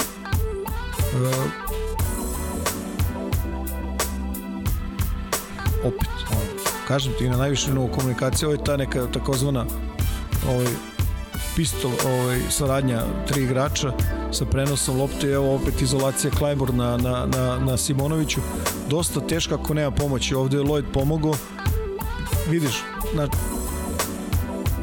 stalno se traži igrač koji ima bolju poziciju za šut, između šuta iz driblinga i šuta i iz mesta spot upa, verovatno je spot up bolji. Samo da te pitam sad dok, dok je pauza ovde na snimku, e, da li je, pričali smo dosta o NBA-u i recimo odbrani Milvokija, da li je sistem zvezdine odbrane taj da se napakuje reket i e, po cenu da se možda malo ne pusti šut za tri pojena, ali ili ne? Mm, mm, Vidi, ja mislim... Da li je ovo neka varijanta pack line ili nije? Ne, ne znam, pravo ti kažem, moraš da pričaš, moraš da pričaš s njim u nekim, u nekim segmentima, sigurno da jeste, ali ovaj, ona koristi se više nekih, nekih, mm -hmm. ovaj, nekih opcija.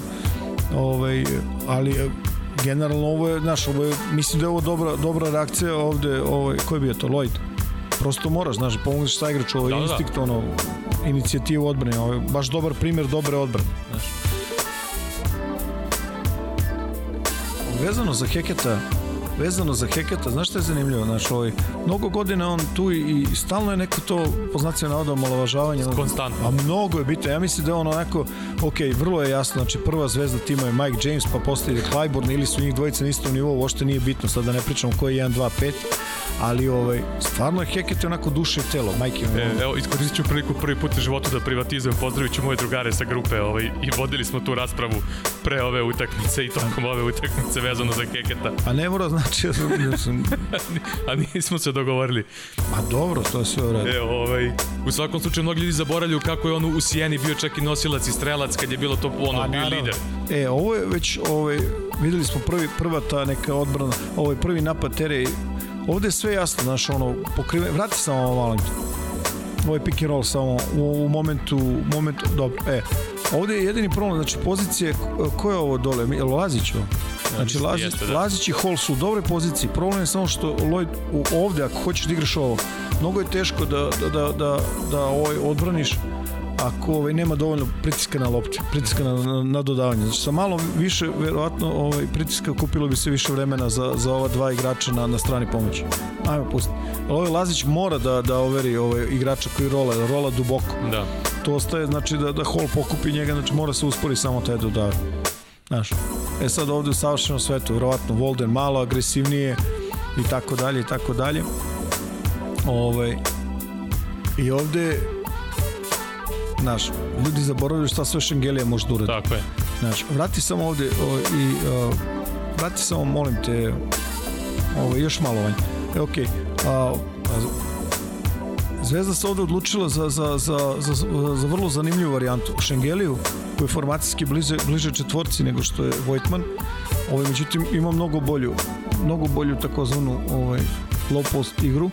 Ovaj, oni su se praktično stavili su, zamenili su, zamenili su ovaj, formacijski odbranu i stavili Davidovca na, na Vojtmana, gde Vojtman ono praktično ponaša se kao spoljni, kao spoljni igrač i nije to samo po sebi ovaj, kažnjavalo, ovaj, do, do, donosilo neki problema Crvene zvezdi, osim videli smo onaj, onaj close out gde kažem, Šengelija ima sposobnost da napadne close out kao da je spoljni igrač, što verovatno je ovaj Teriju može da, da napravi ovaj, neki, neki problem. Ajmo, pusti. Evo, to je ta situacija. I sad ono, znaš, stalna boljka, ona naša, stalno me pribrojevamo, imaš mali faul, imaš mali faul. Znaš, nije to najlakša stvar na svetu. Ovaj, ovde malo, malo problema u komunikaciji, ali ono, ovo je onaj, onaj napad ovaj, zvezde koji smo već pokazivali sa ovom novom opcijom fenomenalna reakcija Ročestija, ne mogu da primim loptu, imam ja u pik to... u Kuriđi koji generalno To je Fener kod Željko Obradovića sjajno radio. Imaš, mislim, da. po to je, imaš dosta timova, to je onako prosto nešto što možeš da napraviš i automatizmom. Znaš, i ovde ovaj, stvarno dobra saradnja, dobra saradnja. Vrati ovo, molim te, Vanja, ovaj ti, ovaj, vrati samo malo da vidimo ovaj, ovaj, ovaj pick and roll, ajde. I pogledaj poziciju uh, strane pomoći CSKA. Znači oni generalno pokušavaju uh, što više mogu da, da ovaj, svedu odbranu pick and roll na 2 na 2. 2 na 2, da. Nije to uvek uh, izvodljivo, ajmo, pusti. Znaš, ovde su baš ostavili Šengeliju da zaustavlja loptu i da pokupi rolera. To je dosta teško, mislim. E, najobičnije je ono blokade u leđa, ali kažem ti, to su te komunikacije, komunikacije, komunikacije. Mi stalno nešto pričamo kao treneri o tome koliko je važno. Jeste važno, nema dilema. Pusti me. Ne. Znaš, ovde prosto on, čak i bilo pritiska na lopti i tako dalje. Pusti. Nije uopšte bio lak pas, ali ne, je podelio majstorski. kako. Ovde je odlična odbrana Jamesa na prvom dodavanju i generalno ovaj, vrati samo malo da, da pre, nešto porazgovaramo samo o ovoj poziciji Milutino to je, ovo je verovatno, znaš, u momentu kada on ulazi u pik, znaš, Milutino pravi taj korak napred prema njemu, što je verovatno, znaš, ovaj, teška dosta odluka ako želiš da, da, da, da braniš prodaj. Međutim, Lloyd igrač koji može da završi i na, na obruču i na, na tri pojene, baš je neprijatno. Viš, u momentu... To ono što smo pričali, kratki naskok ima i yes. može da, da pogodi... Ajmo, pusti. I sad ovde, znaš, ovaj, generalno oni, oni switchuju ove, ove, ove rollove, Clyburn i Milutino, međutim Lloyd napao, napao prodorom i stvarno ovaj, to je dosta dobro završio. Uh, Hall na Clyburnu, izvan reda. Samo skrenem pažnju na to. Znači, ono ne dozvoljava da postavljen ovde kao odbrani kako treba. I sad, znaš, ovde ovde je ovo na klasičan primjer, znaš, dvojica su krenula za loptu. Ali prosto ona se odbila tamo gde je ovaj igrač bio i to je to. Ajmo, pusti dalje, molim. Mike James na ovoj utakmici rezervisan. Ne znam s kog razloga, onako, ovaj, uh, koš geterski dosta uh, vratio, molim te. U momentu kad Šengelija, kad Šengelija ovaj, primi loptu na low postu. Uh, uh, igraču koji igra, ima prednost ovako, Šengelija je igrač koji igra sa viškom driblinga na low postu, znaš, nije, nije ono one dribble shot, a možda je bolja, možda je bolja opcija da, da igrač broj 7 sad napravi neku dubinsku kretnju odvede Lloyd ovde ili da izmene one blokade sa, sa Clyburnom tamo, međutim ovako doveo ga je u poziciju da da Lloyd svojom odbrbenom ono, akcijom ovaj, praktično pomogne Simonoviću, jer ovo je jasan hendikep za Simonovića na low postu.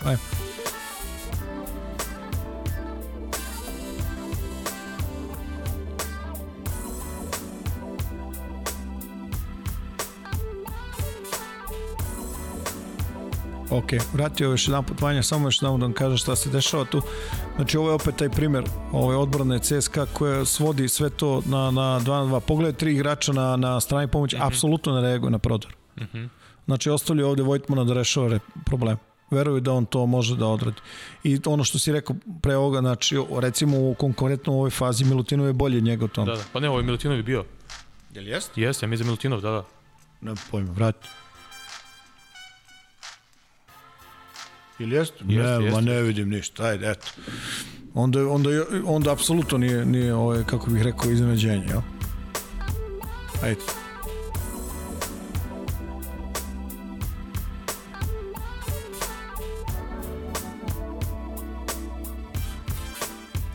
E, vrati ovo rok, molim te, opet ono, da ljudi pogledaju.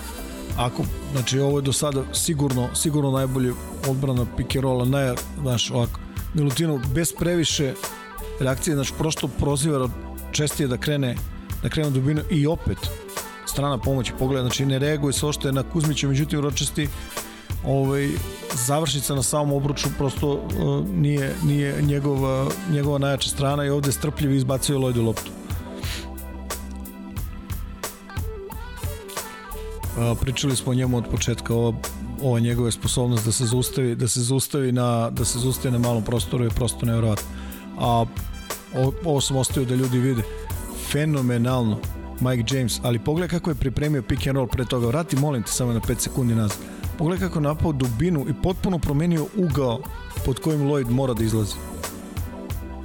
Znaš, on, baš, baš ovaj, i ovde Ročesti nema šta, on mora da donese odluku, mora, on je odgovoran za ovo koji rola, međutim tu nema više ovaj, pomoć. Ajde čak i Davido stigo da, da, da, ovaj, da izađe tu na ruku, ali do, dosta je teško. Ovde switch, odmah automatik, smanjivanje ovaj, sa, sa strane pomoći odlična, odličan odgovor CSKA.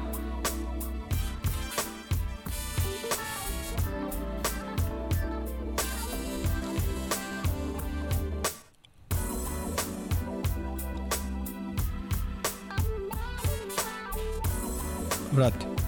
E, ovo je opet ono, znaš, koliko visoko izlaziš na, na igrača koji može da, da te obiđe. Znaš, ovde je ovaj, generalno, je li ovo Milutinov da se ponovo, da Jeste, ponovo jeste, pogreši? jeste. Pa mislim, znaš, on je odgovora sad, ovaj taj takozvani snake dribble, znači ovo kad, kad ga napada između svog igrača i njega, ovu rupu, ovaj, prosto je on, mislim da je on, da je to, da to dolazi pod, eh, pod njegovu, ovaj, u podeli poslova je to nešto što on mora da, da odradi.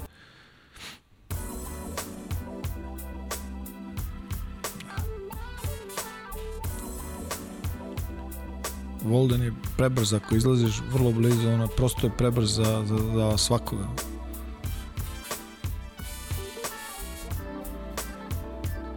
Da, Voldan koji ono praktično sedi na parketu, ono, Jeste, kad i je sad vidiš ove situacije vratio, molim te Vanjaš, da. toliko nisko u stavu uvek.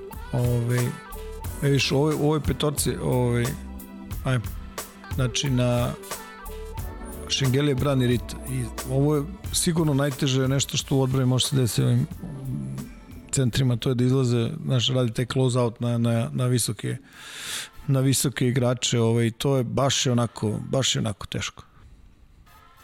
I Rit je odlično odgovorio, pravo da ti kažem, tu nemam, nemam dilema. Ok, vidiš šta Heket vratio i pogledaj Heketa na prvom dodavanju, pre nego što je spremio ovo. Kad je prvi Lloyd, samo 5 sekundi razda vrati. Pogledaj kako zatvorio rupu ovde. Opa. Znači natero ga da pusti se. Natero ga da izbaci ok, sad u savršenom svetu Šengelija možda u, u, zatvoreni stav, ali svakako ono, ovo je, ovo je dosta stvarno dobro ovaj, defanzivni posjed ovaj, CSKA. Evo, pogledaj Heket, znači on je on ovoj utakmici dao, dao neka brda neki poena i to. I ovaj, vratio, molim te. Znaš, ali opet stalno u stavu, možda ponekad i previše agresivno. Ovde Kuriđa klasičan onaj primer livade, ogradio je svog igrača, ajme, pusti. Isključio Vojtmana potpuno iz, iz, iz odbrana. Opa, ovo je korak. Znaš, i pomogao Lloydu da, da ode do kraja. A, e, ovo sam ostao zbog reakcije Lloyda. Pogledaj ko je njegov, vrati ovo, molim te. On prosto veruje da Vidovci ovde ono kao ljud, pa daj šutni sam si. Pogledaj sada. To mi baš bilo zanimljivo, te ja sam dosta imao. Kao pa šutni čovječ. šutni. Sam si. I okej, okay, verovatno je to verovatno je to i, i, i bi bila i dobra odluka. Imao i Saša Obradović onu zanimljivu izjavu gde yes. posle utakmice da je spremio, da je bio ljutno da Vidovca spremio za njega neki napad i kaže hteo sam da on reši taj napad. E, i sad zamisli ovo, a krcata hala. Ajde, ovo je čovjek je promašio, bio faul. Vrati ovo, ne možeš, mnogo je teško. Vrati, ok, zusti. Ajde ovde još nekako, dva igrača su na, na strani pomoći, ali mnogo je teško da igraš ovu vrstu odbrane protiv vertikalnog rolera. Rolera, da. Mnogo je teško. Znači, ovo je igrač, radi sad da, da pojasne, ovo je igrač koji pravi blokadu i rola na obruč, ako može da skoči visoko, a videli smo, Terry može, i naročito kada Ročest ide u levo i, i ovo dodavanje izvodi levom rukom, to je mnogo. Ve vertikalni spacing. To je ogroman, to je ogroman pritisak na odbranu i na ovog centra ovde, ko je to, Vojtman? Vojt, ovog, da. Ajmo. Koje mora u ovom backpedalingu da, ne, da se vraća. To je strašno težak, strašno težak ovaj rad nog. Ovde Zvezda odličan scramble odbrana, odličan scramble odbrana. Stvarno. Znaš. Tu su krenuli negde da se vraćaju.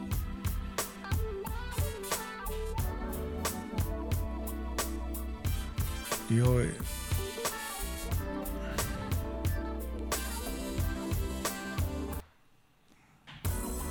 velika energija.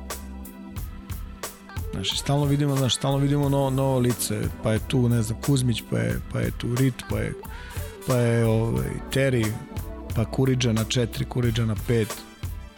Evo, ta važna trojka. Mnogo je važno, mnogo je važno ta trojka. I ona blokada posle. Da. I ovde na ovim utakmici, na ovoj utakmici konkretno Heket je mnogo uzeo na sebe ovaj taj košketerski ono košgetarski učinak je stvarno bio ogroman. Znaš. Što kažem, za njega nije bilo strano kroz karijeru u Sijeni je Pa to ne, radio. ali kažem Kasnije se on podređivao ali- drugim timovima da ne Ali bude... on je igrao, znaš, znaš ti koja je to veličina kad se ti skloniš od tih velikih, velikih igrača? A vidi ovde, vratio, vidi James koji prepoznao pomoć sa leve strane napadne Rita u desno. Vidio? On čita Voldena sad, ajme, pusti. Ode. I produžava Voldenu rotaciju i pravi strašan problem tamo, ogromnu rupu između sebe. Iza sebe. Znaš, agresivno na uručenje, izlazi tu tuča sad ovde sa ritom za poziciju s jedne, s druge strane. I ovde strašno, znaš, ovaj, posle tih preuzimanja Zvezda je vrlo agresivno napadala Šengeliju i to je davalo rezultat. I ovde ono čujeno ovaj, kuriđeno zidanje i svi ono neće, neće, neće i on i završava. Nema tu što.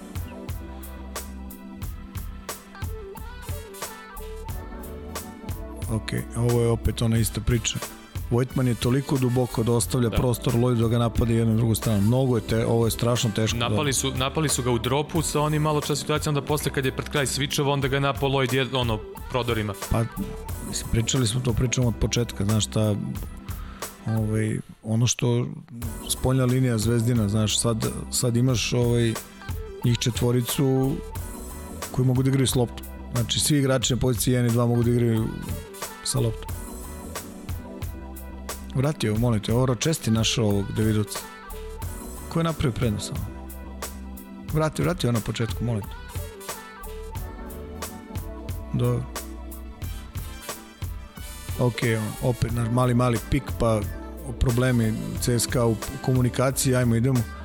Ročesti, drugi pik, ovaj slip, Terry radi, otvara se, mora Kurbanov pomogne iz ugla i nema nikakve šanse. To je generalno igra tih igrača iz uglova u postavljenoj odbrani ono podcenjena. To je apsolutno najteža pozicija koja postoji. Ovde mnogo važan skok ovog Davidovca u, u napad. Mnogo važan.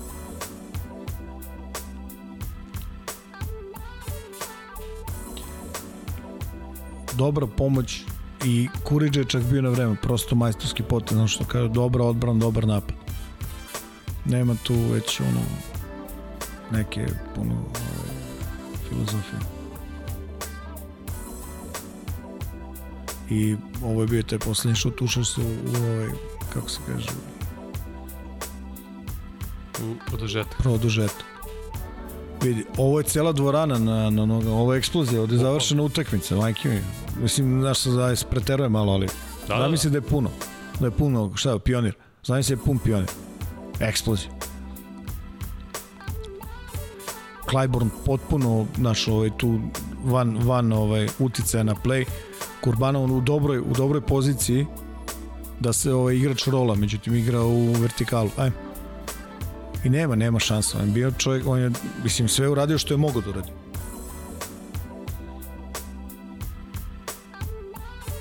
I odmah ovaj, iz ovo isto. I tu je negde ona utakmica, ovaj.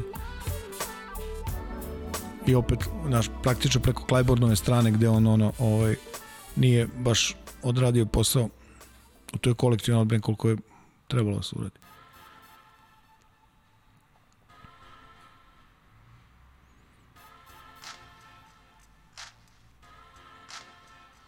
Dobra odbrana, dobar napad, ono, svi su radili što treba. Davidovac probao da uspori ovaj, koliko je mogao James Lazić bio na ruci i nema tu.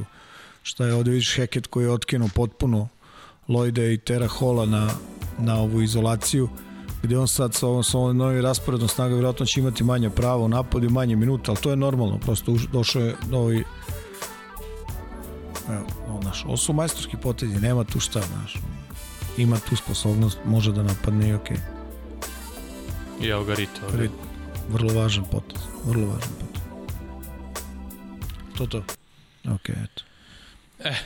Detaljno smo sve e, izanalizirali ovu veliku pobedu Crvene zvezde protiv CSKA. Ja, možda smo preterali ponovo. Ja sve nešto mislim da preteramo s tim, majke, nemam pojma.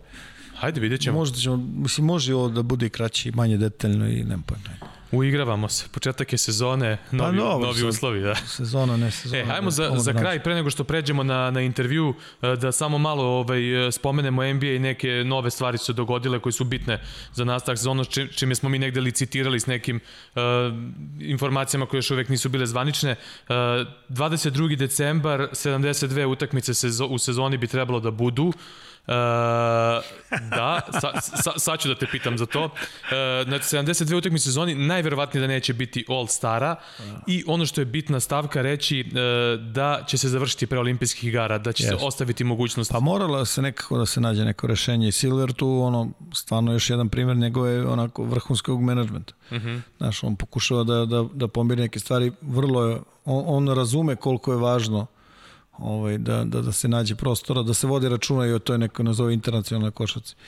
I ono što je meni drago je da, da su ipak našli način, ovaj, verovatno oni znaju nešto što mi još uvek ne znamo, da, da krenu ono što smo pričali već najavljivali, da krenu negde u vreme Božića, koja je izvanredna.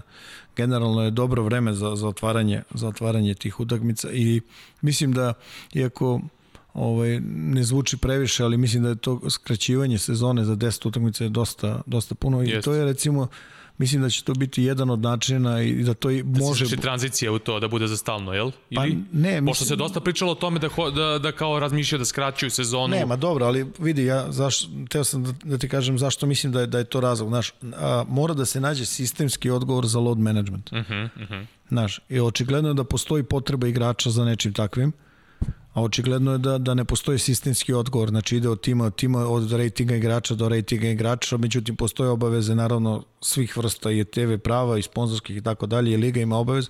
I ovo je recimo nešto što je dobro, vidjet ćemo, znači ovo ne možemo pričati unapred ništa, ali da vidimo da li je to možda jedan, jedan ispravan odgovor na, na, na tu tendenciju koja je definitivna, ne, mo- to ne možeš se ignoriši više, mislim možeš samo da okrećeš glavu, ali to postići ništa nećeš, a utvrđivanje početka sezone naravno ovaj, dovlači do, do utvrđivanja tačnog eh, datuma drafta, što isto vrš, vrlo, generalno vrlo važno i mi ćemo malo da obratimo pažnju Da, da. na ovaj, u nekoj epizodi pre toga. A, 18. novembar je draft, ono to smo već i na, najavili. jeste, Da, bilo, je nekih, bilo je nekih izmena u međuvremenu ovaj, što se tiče samih... Tre, da, tre, aha, Trener, to si, misliš, pa da, da, da. Uh, bilo je nekih, nekih ovaj, potpisa novih i tako Indiana da. je našla trenera uh, iz stručnog štaba ovaj, Toronto Raptorsa.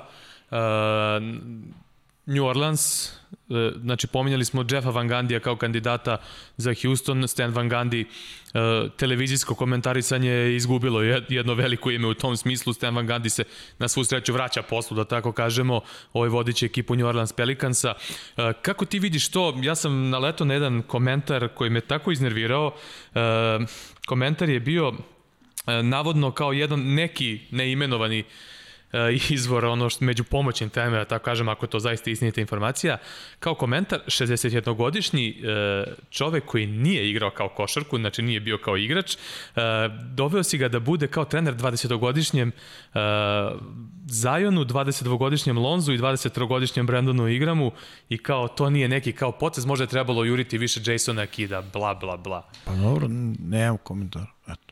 Šta, mislim, šta to znači sad kao, ćeš i da dovedeš mladog profesora koji na nema. fakultet koji je igrao košarku da, mislim, mladima predaje, ne razumem. Nemam, nemam, nemam komentar. Mislim, pritom Stan Van Gundy je jedan od najvećih umova tamo u toj ligi. Generalno, generalno ne sviđa mi se što je to kao ovaj nezvanični, anonimni izvor. Da, da, da. Ono, znaš, Ali morao sam da to pitam, zato što Pa pa mene to iznerviralo, okej. mislim, ono, pravi se taj neki narativ, ono, ono, mislim, u tom smeru, zašto je, mislim.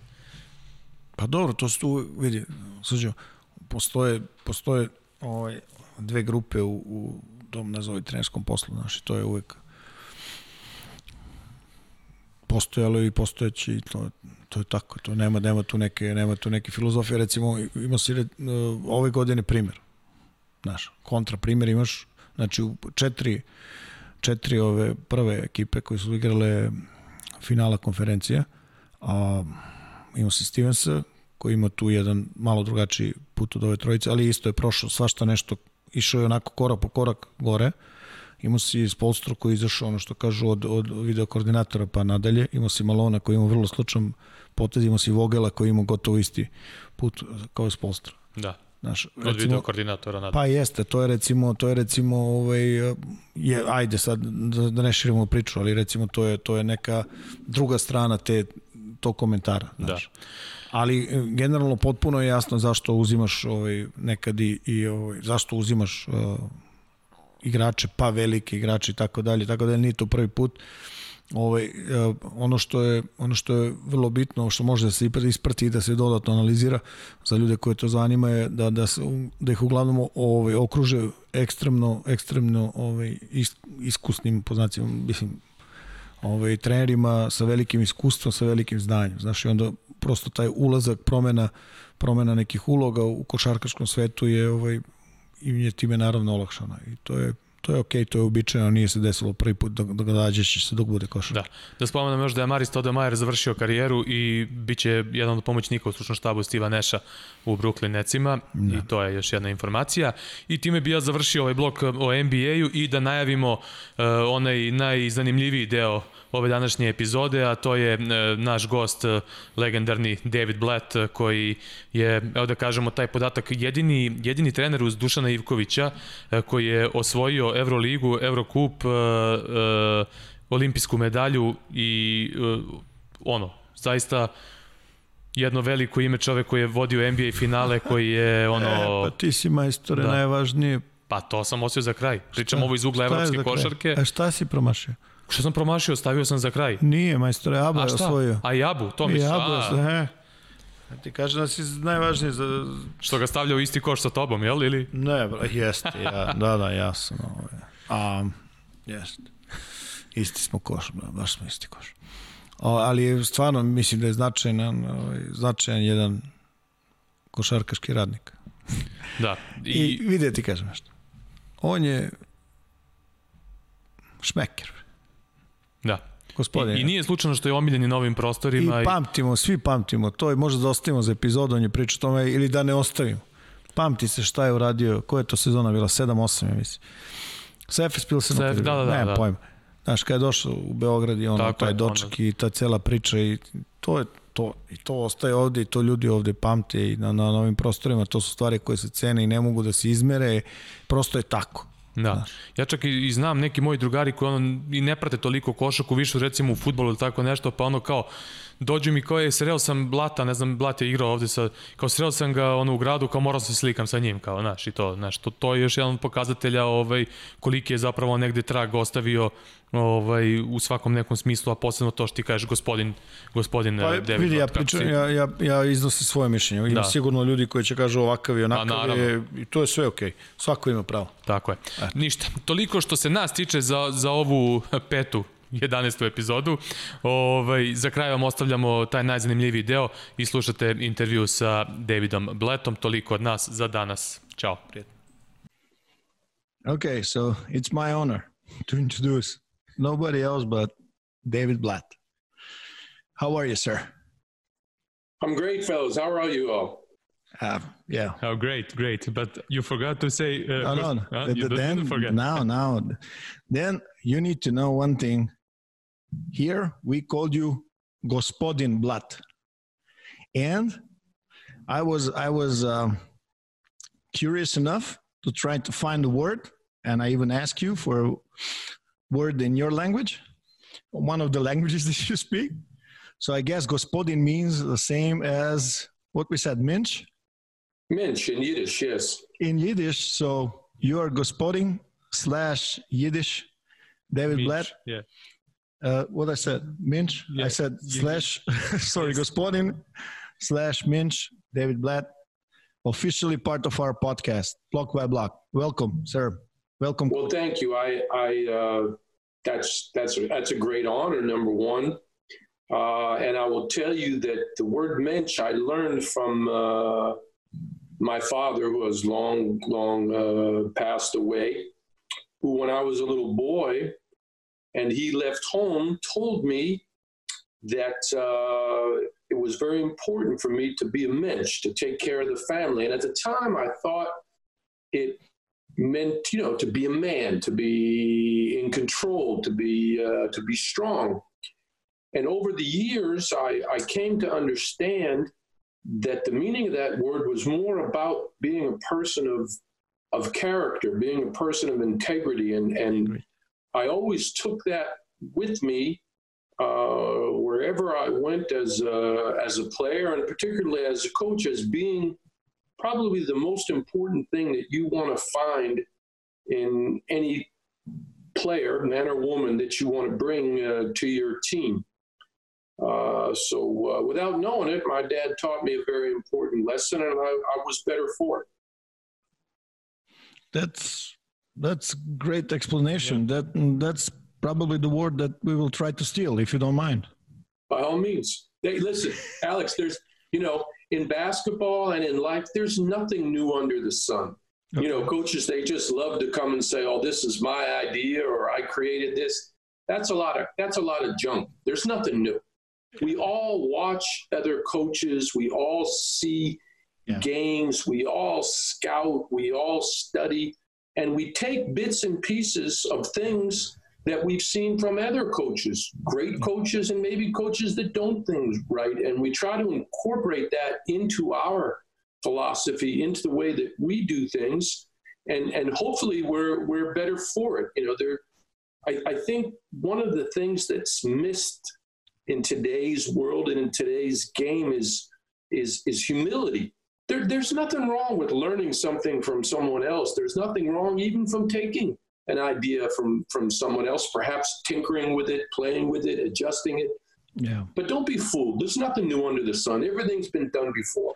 Yeah, but people don't understand it's not a simple copy paste process. No, what, of course not. That's what people don't understand. And honestly, I was very young and I was very lucky talking to one of our best old coaches. And he, he taught me one thing. He said, like, you, Alex, you can learn from every coach. And I was like, come on, I, I, I'm trying to, I'm trying to, you know, learn from the good ones, watching good games, good practices, talking, trying to talk to guys. He said, no, no, no, no, no, no, no. You can learn from everybody, even from bad coaches. I said, what, what do you mean? He said, well, you can learn the way you don't want to do things, which is sometimes way more important. For years, I didn't understand it. Now it's pretty clear to me. You know, very true. knowing knowing what you don't want to do is is is very is very important. Uh, before you know, Al, there there was sorry. a great uh, and famous uh, uh, college coach in the United States. You, you certainly and many most basketball fans know him. His name was John Wooden the great coach of UCLA uh, back in the 60s, who was probably uh, the greatest college coach in the United States ever. And he said something that I think it's important for all coaches and all people to know. He said, It's what you learn after you know everything that counts. you know, and this, uh, I think it's a good lesson for, for, for coaches. Let me ask you, I don't want to forget it. How, how you feel? How you feel? You know, uh, we know you have uh, some problems. We don't want to talk about it. I'm just asking you how you feel. No, I'm, I'm you know, I'm, I'm not, I'm not unhappy or, or ashamed to talk about. Obviously, you know, I came out and and uh, told everyone that I suffer from uh, MS, multiple sclerosis. It's the reason that I uh, stopped coaching uh, before I wanted to and uh, it's a it's a condition that has many different forms and manifests itself in many different ways with many different kind of people. There's no surefire solution to it at this point, and and certainly it it makes my day to day life uh, a little more difficult and, and certainly different than what I was accustomed to. But uh, you know, day by day, I battle and I uh, I work hard to try to stay physically strong and uh, no complaints, man. You know, there are a lot of people that are going through a lot of things in their lives that, that they have to learn how to to to deal with, and and um, you know, it's good it's good to be able to talk to people and to support other people and to uh, take strength from other people and, and hopefully help in some way those that uh, need a little bit of motivation or need a little bit of uh, assistance. Coach, uh, how do you spend your time now? Do you have you have time to, to watch your your son Tamir, who playing uh, playing very good from year to year, and we're waiting uh, for him to to see him playing un, under Coach Aito in Alba, maybe next year. Yeah, Tamir, it's uh, you know he's uh, he's a really good, really great young player, and obviously I take a lot of joy in uh, in watching him and and trying not to disturb him too too much. You know, I used to I used to work with Tamir an awful lot when he was when he was younger, and uh, because he loved the game, it was very easy to uh, to teach him and to work with him on a daily basis. But it got to a certain point when he was about 16 years old that uh, I realized uh, probably a better idea for me to be more his father than to be his coach. and I stepped away from that and let him uh, develop uh, and grow into his uh, manhood as a person and as a player.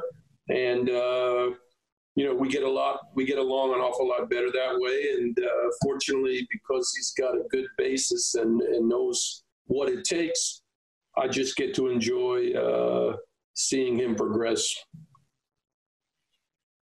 Um, Coach, let's say I'm, I'm, I'm really interested in that.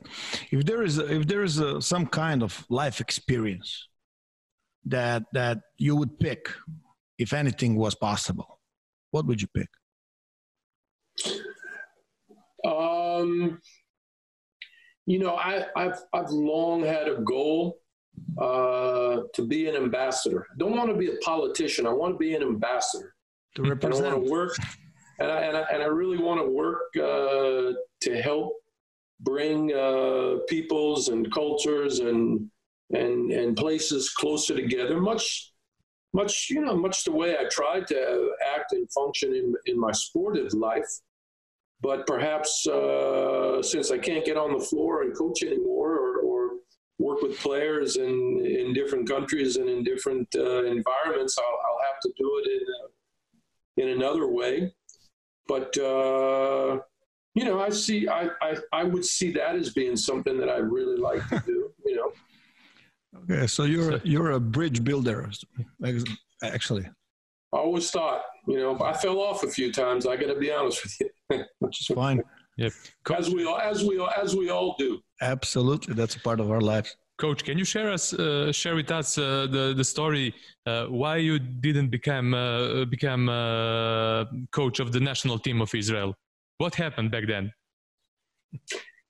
Uh, yeah, that that that was one of those unpleasant memories in a, in a long career.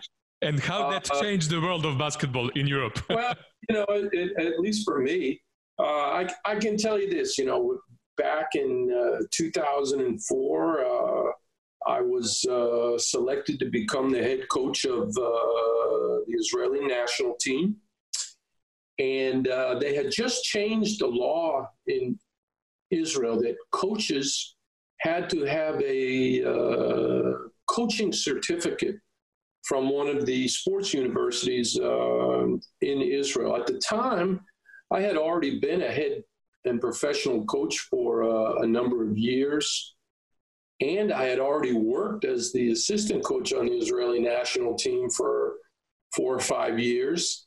Uh, and um, I was in the process of of getting this particular certificate that I needed, even though I already had a college degree from Princeton and I had, obviously worked in the profession for a number of years.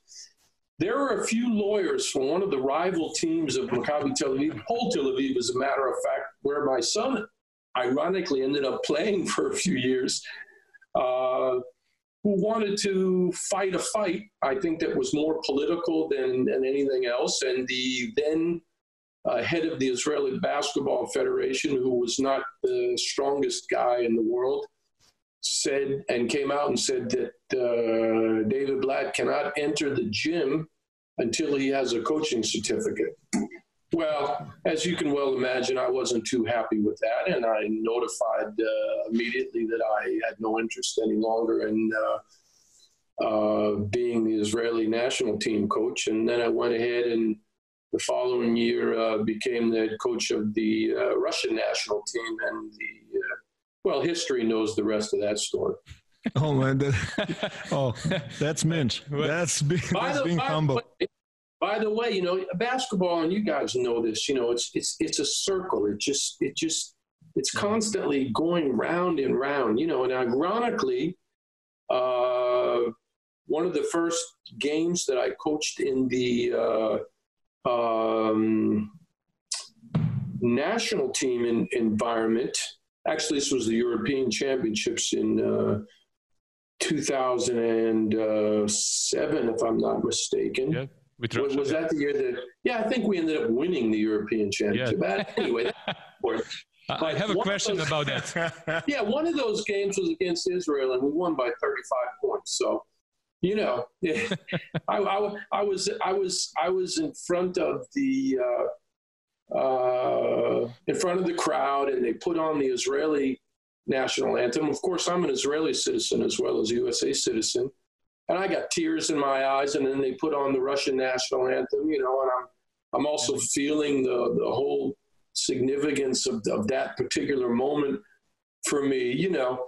And uh, and I was just asking myself, you know, how how how stupid things can be sometimes, you know, and, and what do you do with that when it happens? You know, you just you just you, you try to let sport you try to let sport win out. You know, that's that's what we got. Coach, when you mentioned uh, those fi- that finals uh, uh, against Spain, um, what do what do you scream? What did you scream to to Jared Holden when when he stole the ball from Gasol? I think. You know, we were. That's funny. We, we we're. Uh, I'm going to expound on that. We're playing uh, in in Spain, and and and obviously we were not the favored team. You know, we weren't even the favored team to make the uh, the uh, later rounds. Uh, but we beat a great French team in the quarterfinal with Tony Parker and and that crew, and then we beat the uh, Lithuanian national team that had Char- and Siska and uh, a whole a whole group of guys, some NBA players as well. And then we ended up playing Spain in the final, and they're the home team, and they had a great team. They had seven seven NBA players on that team, and you know they're at home, and King Carlos is up in the stands watching, and you know it looks like it's going to be a thirty point game. So we. Uh, you know, we're playing a game, and, and, and our whole plan was to just find a way to keep it close and try to put them under a little bit of pressure, you know, make them uncomfortable because we didn't have uh, a great matchup with them, and we certainly were not as strong as that team. Uh, so at the end of the game, we're down, we're down one. Uh, J- JR makes a great steal uh, from Gasol down in the low post on, on Spain's offensive end. And then he starts to dribble up the ball up the court, there's 26 seconds on the clock. Didn't have a timeout left or anything. Anyway, we couldn't have called it because the ball was live. And uh, as he's dribbling it up, you know, the crowd is going crazy. There's so much noise. I mean, I literally ran out on the court to tell JR, stop, hold it. The last shot, you know, whatever happens, happens. If he makes, if, if, if we make the shot, we win. If he misses the shot, we lose. But we're gonna, you know, we're gonna take the last shot. So I just said, stop, stop, stop. You know, don't play faster than the clock, which he did, and and they intelligently double teamed the ball out of his hands. He released it. He threw it to uh, Zahar Pashutin, who was really smart. And when they left the double team from JR, he threw it right back to him. And he dribbled, dribbled, dribbled, dribbled, and took the last shot with uh, two seconds to go, made the shot. And of course, the uh, scorer's table, when the shot went up with two seconds, you know, so it takes time for the ball to be up in the air, hit the rim, bounce off the backboard, come back out, go through the basket. So that shot was taken with about two seconds to go. And, it, and when the ball went through and they called timeout, suddenly there was three seconds on the clock. You guys figure it out. Yeah, that happened. Come on. but you know, uh, fortunately, you know, at the very end, Gasol missed the missed the shot, and, and we uh, and we won the uh, European Championship. Yes. So it's like two Americans uh, are leaders of um, Russian national team. Am I right? Well, you got to remember now, I was an American Israeli uh, Jewish basketball coach, coaching the former uh, great Soviet Union team. You know, which had become It's got to be a good thing. Come on. Yeah, that was, that was you know that that was It special. It, it, it, was I American? Was I Israeli? Was I Russian? You know, it doesn't make a difference, Alex. Yeah, I was a basketball coach, and for me, that that was the only thing that was important. You know, because the the game is for me has always been about bringing people together, and and, and the sport has been bigger than the the nationality. You know, it's it's it's it's it's sort of always it's sort of always kind of been my thing. Would you please explain to our our viewers and listeners the difference between Maccabi and Hapoel? And Hapoel, Hapoel. So teams are Um, Maccabis or Hapoel. Yeah, you know, speaking of which, you, know, you I I just got done telling you how I think the sport is bigger than than the nationality and politics. Well, here's a perfect example, and you guys know it well in Serbia. I think you have a similar type of rivalry.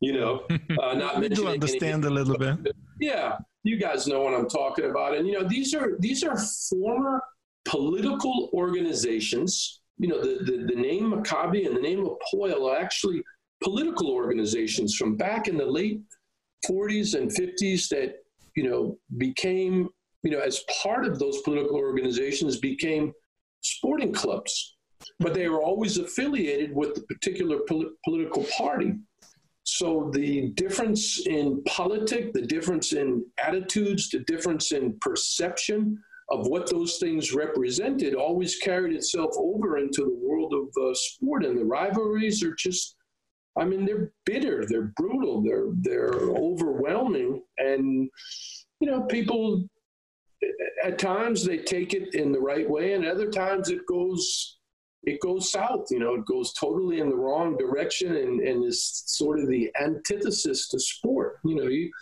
look, there should never be hate in sport. There should be competitiveness. There should be passion. There should be excitement. But I mean, up to a certain point, you know, people you want people to go to the game and cheer and and and and be spirited and be you know really really passionate but you don't want it to to break down into something violent and something hateful. I mean, there's there's no place for that in sport, in, in my mind, and, and you know you hate to see that. Uh, when you're speaking about politics and sports, uh, as Alex said uh, before, uh, people likes you here and uh, respect you. Uh, one of the reason is that legendary game Partizan Efes. Mm. You you had yeah I, you know, I, in press center. I remember that well. Um, you know that that was that was one of those moments where politic or or politics tried to overcome sport. You know, we we were uh, on our way to play a, a EuroLeague game, and uh, of course that was a very particular and difficult time uh, in the uh, in the region. Uh, and uh, what happened happened with the embassies in, in Belgrade and the bombings before that, or let's start with that, the bombings before that, and then the instance of what happened at the at the embassies. Uh, and uh, we had some American players on FS that wanted to decided not to go to Belgrade to play the game because the United States had put out a travel warning recommending that uh, USA citizens do not travel to Belgrade, which, you know, I certainly felt was wrong. And uh, our team, you know, the team of FS certainly felt was uh, was wrong. But these players uh, made a decision not to show up and not to come to the game. And those of us that felt it was very important for us to come and, and to, to, to, to let sport win and not politic win did indeed come. And, uh, you know, even though we were missing three or four players, we came and, you know, played the best game that we, we could play. We didn't win the game, but uh, the people of uh, in Belgrade and the people of Serbia, you know, received us so well and so uh, respectfully because they knew that we saw sport as being a, a, solution to, to these kind of problems and not as part of the problem.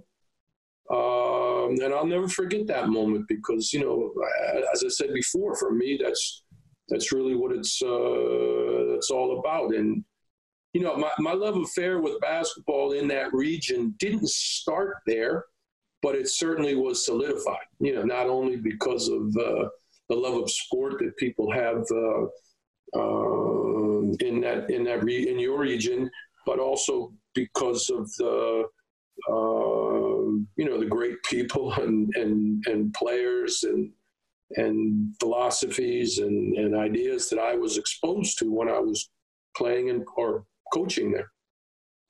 Coach, would you share with us some of your principles when you're selecting players? Can we talk about that a little bit? Sure. You know, I, I'll tell you a story. You guys will appreciate this because uh, a great uh, uh, a name that I, I think is pretty uh, well connected and respected in, in, in your area. Greg Popovich once came and did a lecture in your area, and uh, I, will never forget the, the the, the quote when uh, he did his le- he did his his lecture and and uh, some coach uh, from from uh, from that area said, Coach, what what happens if you know when you're playing pick and roll defense, you can't force to the side, uh, and you can't trap, and you can't switch, and you, and you can't double team because the guy keeps making the right play. I mean, coach says, Coach Popovich said, well, I mean, so you try you, you're using this tactic, and you're using this tactic, and using this tactic, and no matter what you do, you know, it's, it's not going to work. The guy said, yeah, coach, what do I do? He said, well, you're going to lose. You know, that's that's the that's the reality of the thing. Now, when it comes, why am I telling you that story? Because when when one one year of my many many years coaching, I, I didn't start the season with uh, I didn't have a job in the beginning of the year, and I was invited by the San Antonio Spurs to come to their uh, facility and, and participate in their uh, preseason um, preparation and this is something that you know the the Spurs, uh, who, you know, who, who, are just an extremely advanced team from an intellectual standpoint and how they approach the business. You know, they they they want you to come and learn from them. At the same time, they want to get your ideas. You know, yeah, pick, pick your brains and, uh, about how that's what they call networking. Network. There you go. There you go. I know, you know well about it. So I I took the opportunity to. Uh, asked three members of that organization, three of the higher level members of the organization. One was R.C. Buford, uh, the other was Greg Popovich, and third was a guy by the name of Brian Paugo, who was the head of uh, player personnel at that time. And separately, I asked each one of them, uh, when you're looking for a player, you know what, what, what it is, what is it that that that you're that, that you're trying to find? And just as you asked me that question, Alex, I'm going to give you the same answer because each one of them, without knowing what I had asked the other, said the same thing. I thought they were going to say size or length or shooting or, you know, physicality or defensive capability. None of them said that. They, they didn't talk about skill set. They all said the same thing. They said character. Yeah, yeah. Then I thought about my father saying Mitch. You know, so whenever I went, whenever I built a team, and I, you know, I built a lot of them, I, I always tried to start with that, you know, because there, you know, you can do out, you can work around a lot of different things. You know, if a guy can't uh, pass, well, you can figure out how to play with him. If a guy can't rebound, you can figure out a place for him to to be in. You know, if he's not a great shooter, then you know you, you you, you, you figure that out. If you can't defend, well, you hide them, you know.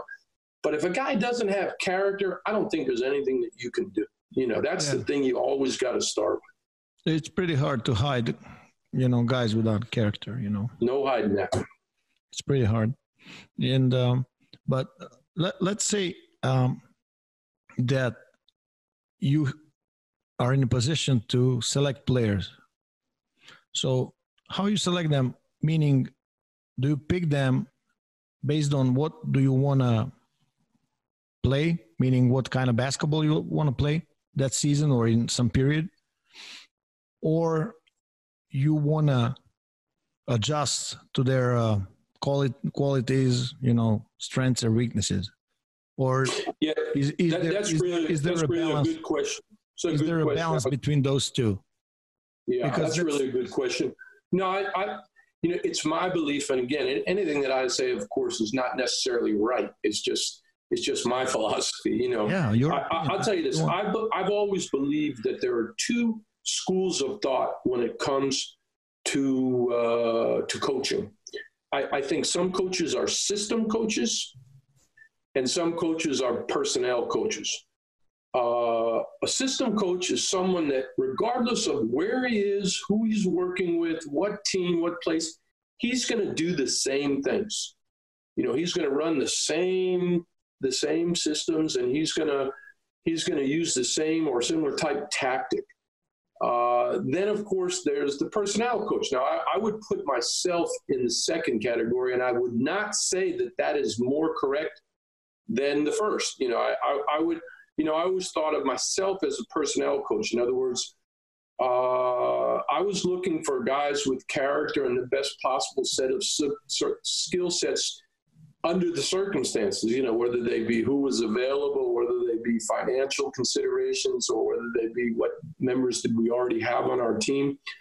But you know, I was I was going to coach to the personnel that I had, so my teams, you know, and that's might might look very different uh, every year or every few years because I was going to coach to the strengths of the personnel. Now, again, the personnel that I had, again, that, that that's not more correct than another way. You know, another Yeah. coach would say, no, you gotta, you know, you gotta, you gotta do something really, really well and go with it wherever you coach and wherever you work, and that's fine too. You know, Yeah. uh, but uh, you know, I, I think you just got to find the thing that works best for you. You got to believe in in your ability to to teach.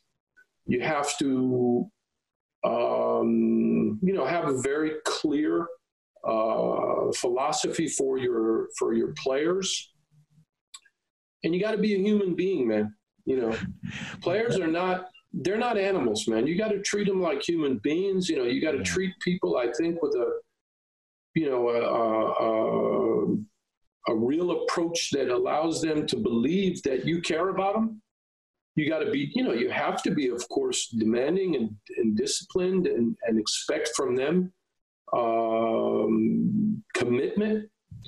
Uh, but you got to be a human being, you know. And Uh, and you know, anyway, for me, that's what worked. I will just add a little bit, a little bit about it. I, I just believe that you know having a lot of basketball knowledge could help in uh, that kind of approach that you have. I mean, if you're looking for another way and another way and a new way to use uh, new guys, I, I guess you know, coach gotta have a, gotta have, you know, knowledge. He's gotta he's gotta expand his knowledge. I mean, just freezing in one moment and saying like, "Hey, this is it." That's as you said, like uh, that's all I know. That's all I'm gonna use. I'm not sure it's working.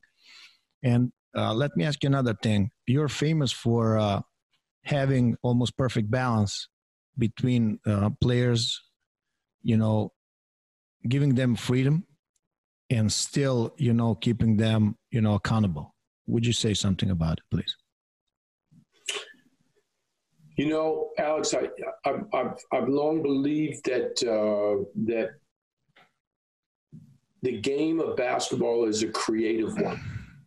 You know, and you and it, it, it's really important to allow players to express themselves and, and, and express their creativity within uh, a framework of the team. And as long as that creativity and individuality serves the team, Yeah. you know, then then it, then it's okay if a, if a guy It's plays with you. Yeah. you know, if a guy plays in a, a particular way, or if he, you know, if he doesn't always uh, do exactly what it is that uh, that you want, you know, the, the the the reason that the game of basketball is so special is because it, it allows for that, and and because uh, a, a- a team can function and and accept and respect and enjoy and and be better uh, from guys from from a guy or from guys being able to express themselves. Uh, again, always in the interest of the team. When you get outside of that, you know, you got to pull them back, or you got to pull them out, or you got to say, hey, you know, listen, if it doesn't work for the team, then it then it's no good, and and we don't need that. But just you know, just to come and to limit somebody or or to try to make yourself bigger than than them or that, I, I think you're missing the point. Yeah, I like to say like what what's good for you, not necessarily good for us. Right, right. Yeah, very well so, said. Yeah. So I I guess you know feedback and communication skills are very important for you. That it no sounds doubt. like yeah. And let me ask you, like, what is the most constructive feedback that you ever received, and how that that I ever received or I ever gave uh, that you received? Um, how how that helped you, if you could share that with us.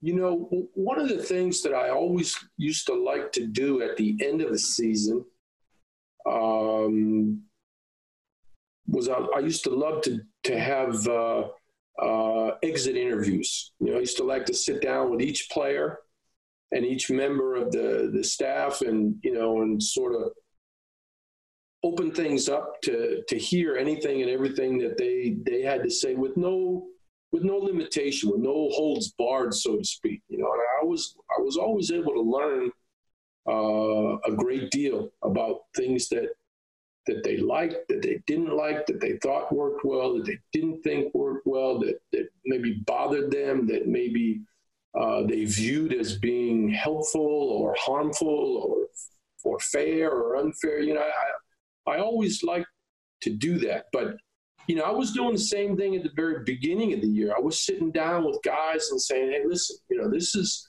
this is how I see things going. This is how I see uh, you being able to contribute to to us.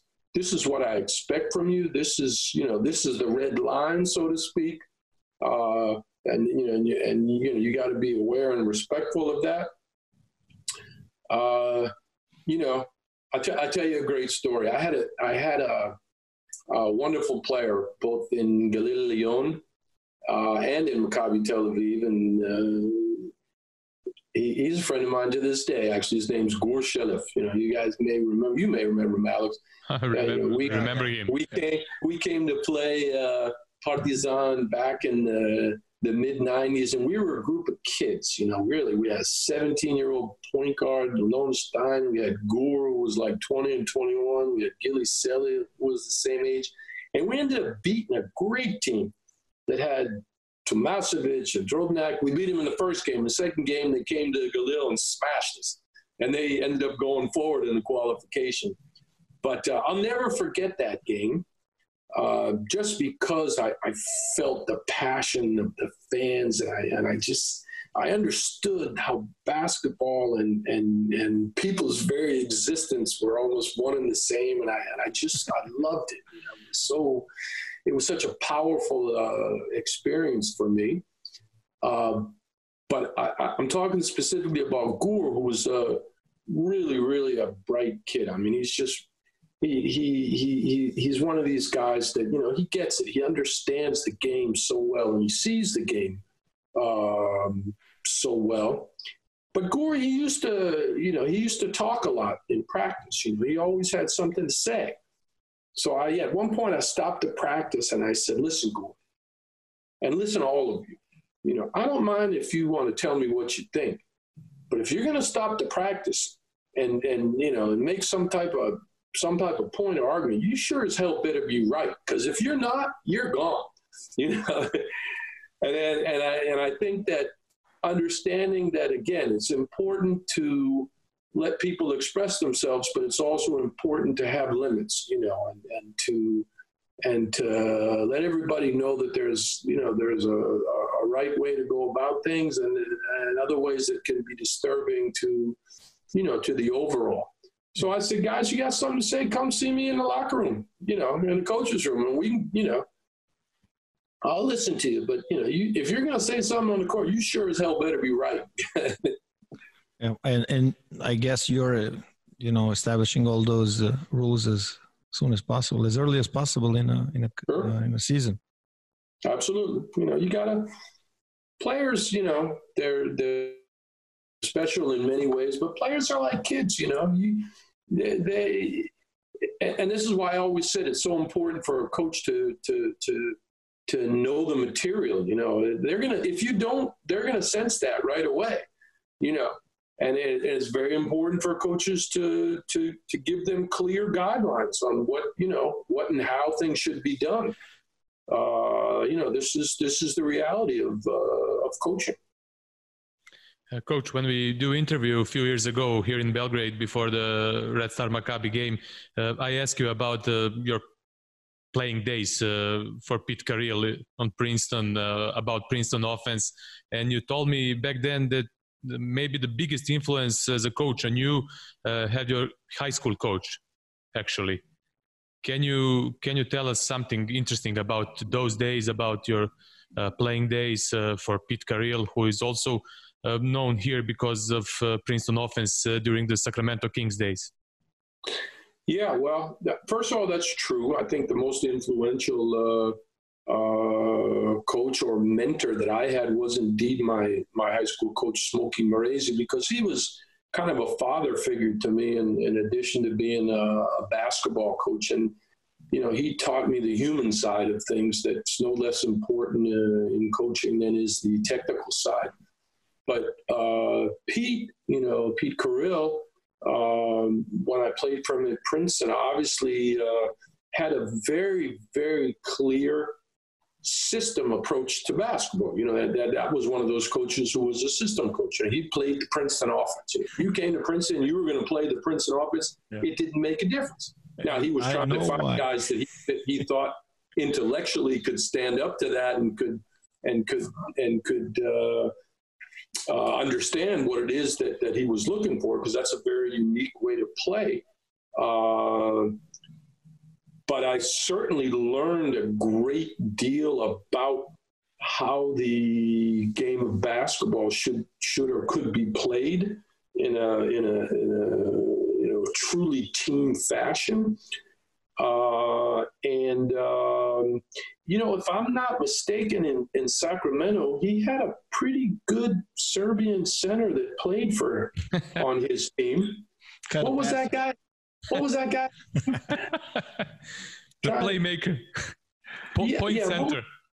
Yeah, you know, even even before Jokic came around, this guy was point center. You know, and uh, boy, he was awfully good. One of one one of the truly great. Uh, yeah, in my mind, one of the truly great ten European players of of, uh, of all time. Uh, but you know, understanding how to play the game and how to make your teammates uh, better and and and, and and giving yourself up to create a better situation for another player uh, and and you know and always keeping in mind the, the importance of movement and and the importance of uh, passing you know these are these are elements of the game that you know while I never with the exception of perhaps one year when I coached young kids while I was still playing I never ran purely the Princeton offense because it takes time. I mean, it's something that you really, really have to invest an awful lot of time in teaching. Uh, but I will, I will say that I always used elements of it uh, in whatever particular type of s- scheme that I was running based on the, the personnel that I had. Okay. Um, Coach, I have a, a little bit strange kind of question. S- set of questions. Okay. If you if you could ask for a superpower for your team, what would it be? And then there is a little twist, but Okay. Um, you can. I, I think I, I think the abil- the ability to uh, to see into the future that would be a superpower that that I that I would uh, that I'd really like to have. You know that that uh, obviously would give you a pretty big uh, a pretty big advantage. But Uh, there is a twist. okay. Let's say that your superpower is limited to one month period. So you can use it for one month. So I'm interested, like, what part of the season Hmm. you would use your superpower? you have Um, chance, one superpower. I, I would say the end of the season, you know, the, the last month of the season, playoff time. The, the reason is that, you know, I was, I, I was always a coach, and I, I had some troubles with this. That I never, I never felt like the the beginning or the middle of the year were were anything more than uh, the chance to um, build the team, you know, and that the the the, the beginning and the middle of the season uh, were more for uh, all the talking heads, you know, to to make comments and to make complaints and to uh, uh, try to tell you what you can do, you know. I, and I, I always felt that you know the first half of the season was was about building your team. Okay, you may lose a few games, you may struggle at times, you may not even look good, but you know you should have a plan for how you're going to gradually uh, improve your your group. You know, both on an individual level and more importantly on a team level. So I would think that that that ability would function best when you get to the time in the season where everybody's good, you know, and everybody uh, uh, is high level. So you need an edge. You need something that can put you over the top. You know, that, that's how I'd see it. Okay. As as someone who coached against you at the end of the season, in the middle of the season, uh, I could say Well, you were always you were always challenging, Alex, because you know, and and and, and many coaches will tell you this. You know, when you feel the other coach on the other side of the floor, you know, you know you're coaching against a good uh, a, a good coach. You know, so I you know I always felt you. I knew you were there. You know, and that and that and that and that says something. You know, in my mind, that, that that's how I always. Uh, I always uh, judged it. Thank you. Uh, during your Darshufaka years, and we played against each other in uh, quarterfinals. And and I used to commentate that those games. Mm, good and, games. Yeah, Good games. man. Good games. Yeah, you won. well, I mean, the, the whole know, campaign we- for you, the end, and we sure I we sure as hell should we sure as hell shouldn't have won that first one. You know that could have been the series. You know, what I mean? but okay, yeah, yeah, we played well in the first one. you did. I mean, Wilbekin uh, made the last shot. That's how we lost.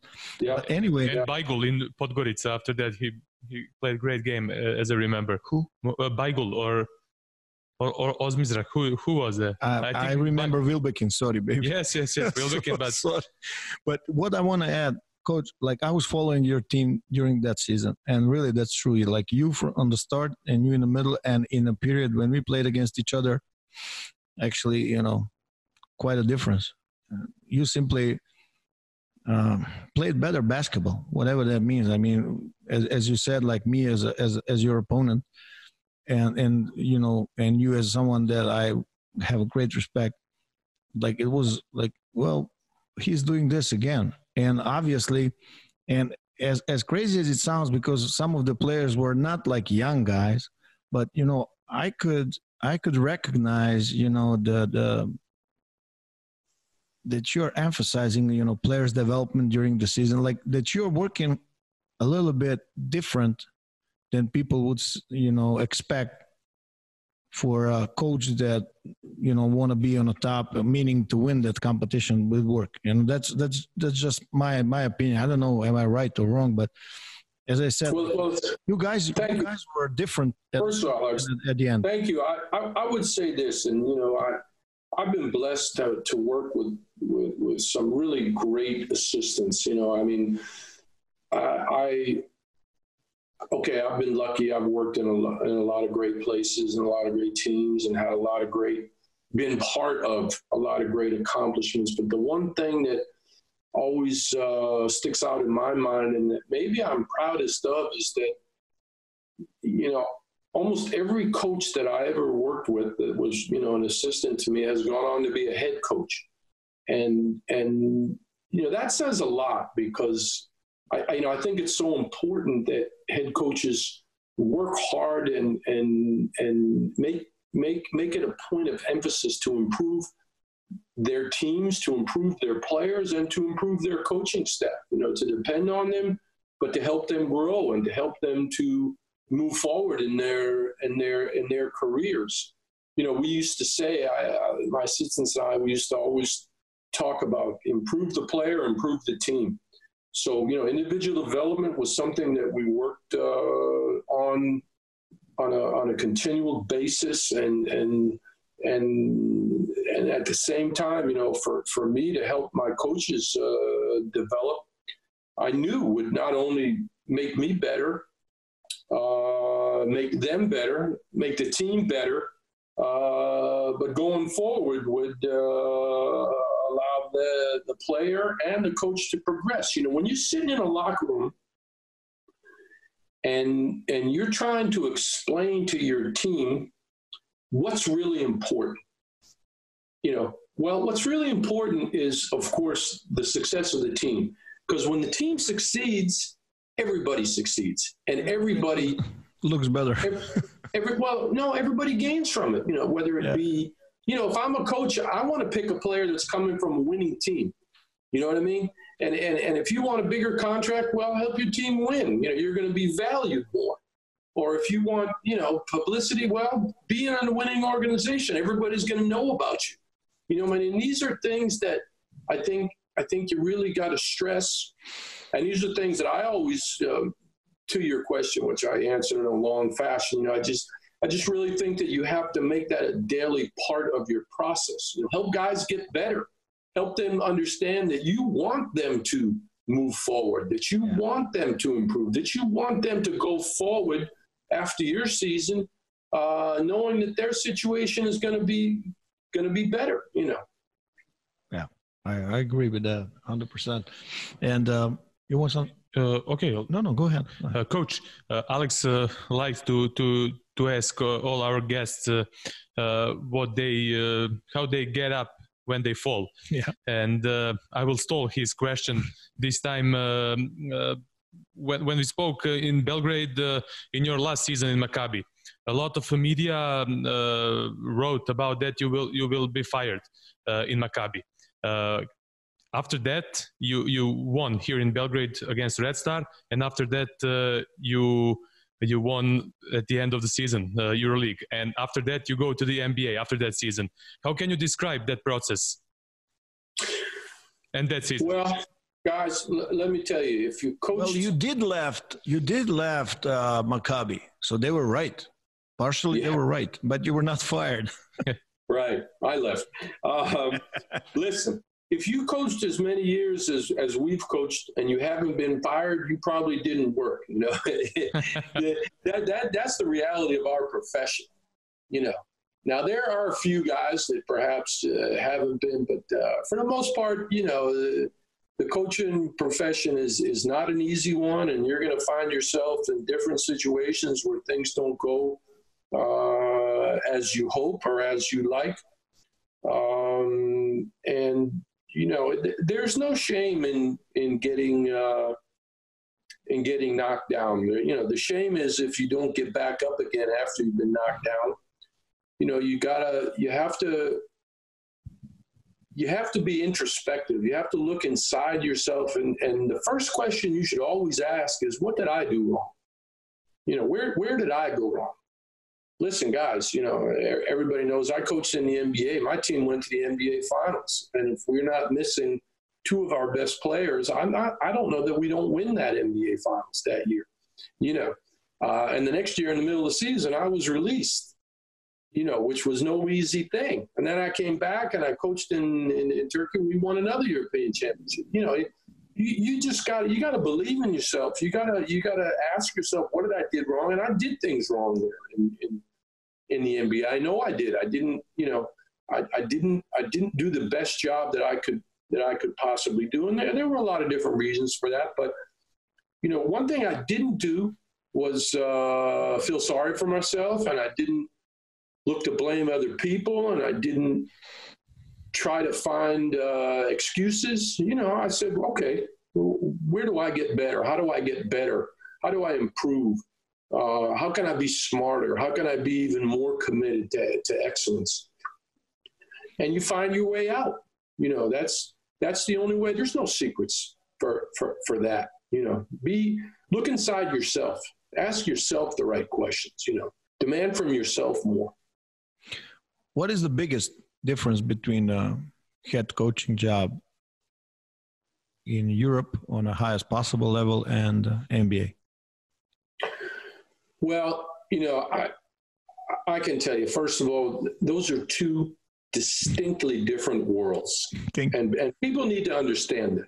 You know, they are different worlds altogether, and I'm not talking only about the rules. I'm not talking only about the time of the game. I'm not talking only about the length of the, the season. I'm not talking only about um, uh, the, the, the players. You know, there's a whole game outside of the game and off the, the court NBA that's you know totally different from what we, you know what we know in in, in Europe. I, th- I think in Europe. Uh, at least until recently, you know, it's, it's always been a little bit more about the game. And in the NBA, at times, not always, but at times it's more about the game outside of the game. You know, and that's a very, very distinct difference. You know, for me personally, uh, you know, I came to the NBA when I only when I was 55. You know, I had already coached in Europe for for for 25 years. You know, but I didn't grow in the United States as a coach. I didn't really learn the game uh, in the United States. I learned it in the European uh, environment. You know, once I left college.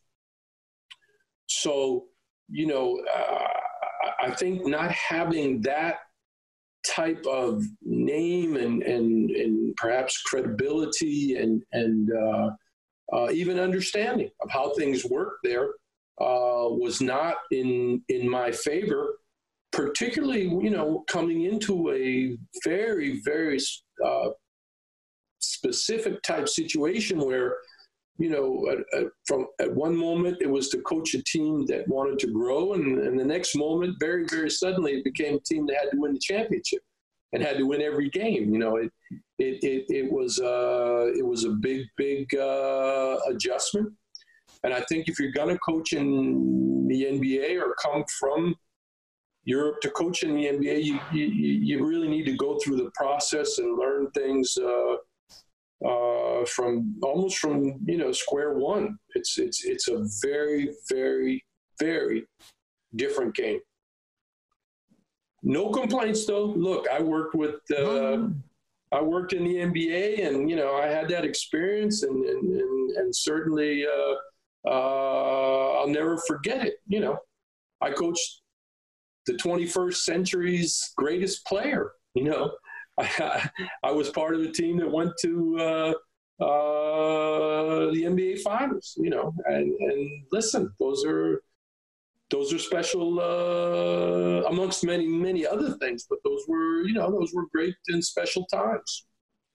Yeah, and coming back and winning, it's even more special. Honestly. Yeah, you know, not not giving up. You know, taking a hit or hits, hits, and and and and and using that as motivation to do better and to be better. You know, that's I think that's a lesson for anyone in any walk of life. Okay, coach. Sajjan, you have any questions? no. For, for, I have a lot of questions, but yeah. I, I, don't know if I have time. Coach, we will uh, we'll wrap it up here if you don't mind, because if we, I mean, we can sit here for hours and talk.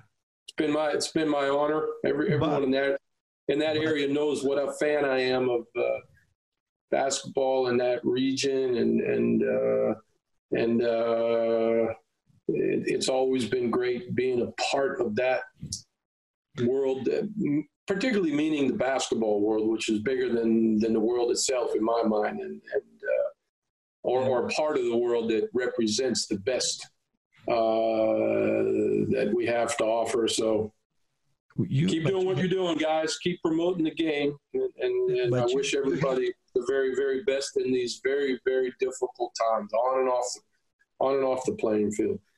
But you have to promise one thing. You'll come back What's on that? our podcast. Sure.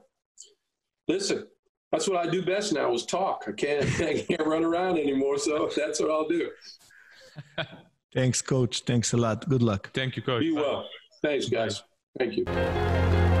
Ceo život vodio sam se istim principima. Ukoliko ne pokušaš, nikada nećeš znati koliko možeš. Iza mene su uspesi i porazi, usponi i padovi, a ispred mene jelen pivo. Snaga je u vama. Woo!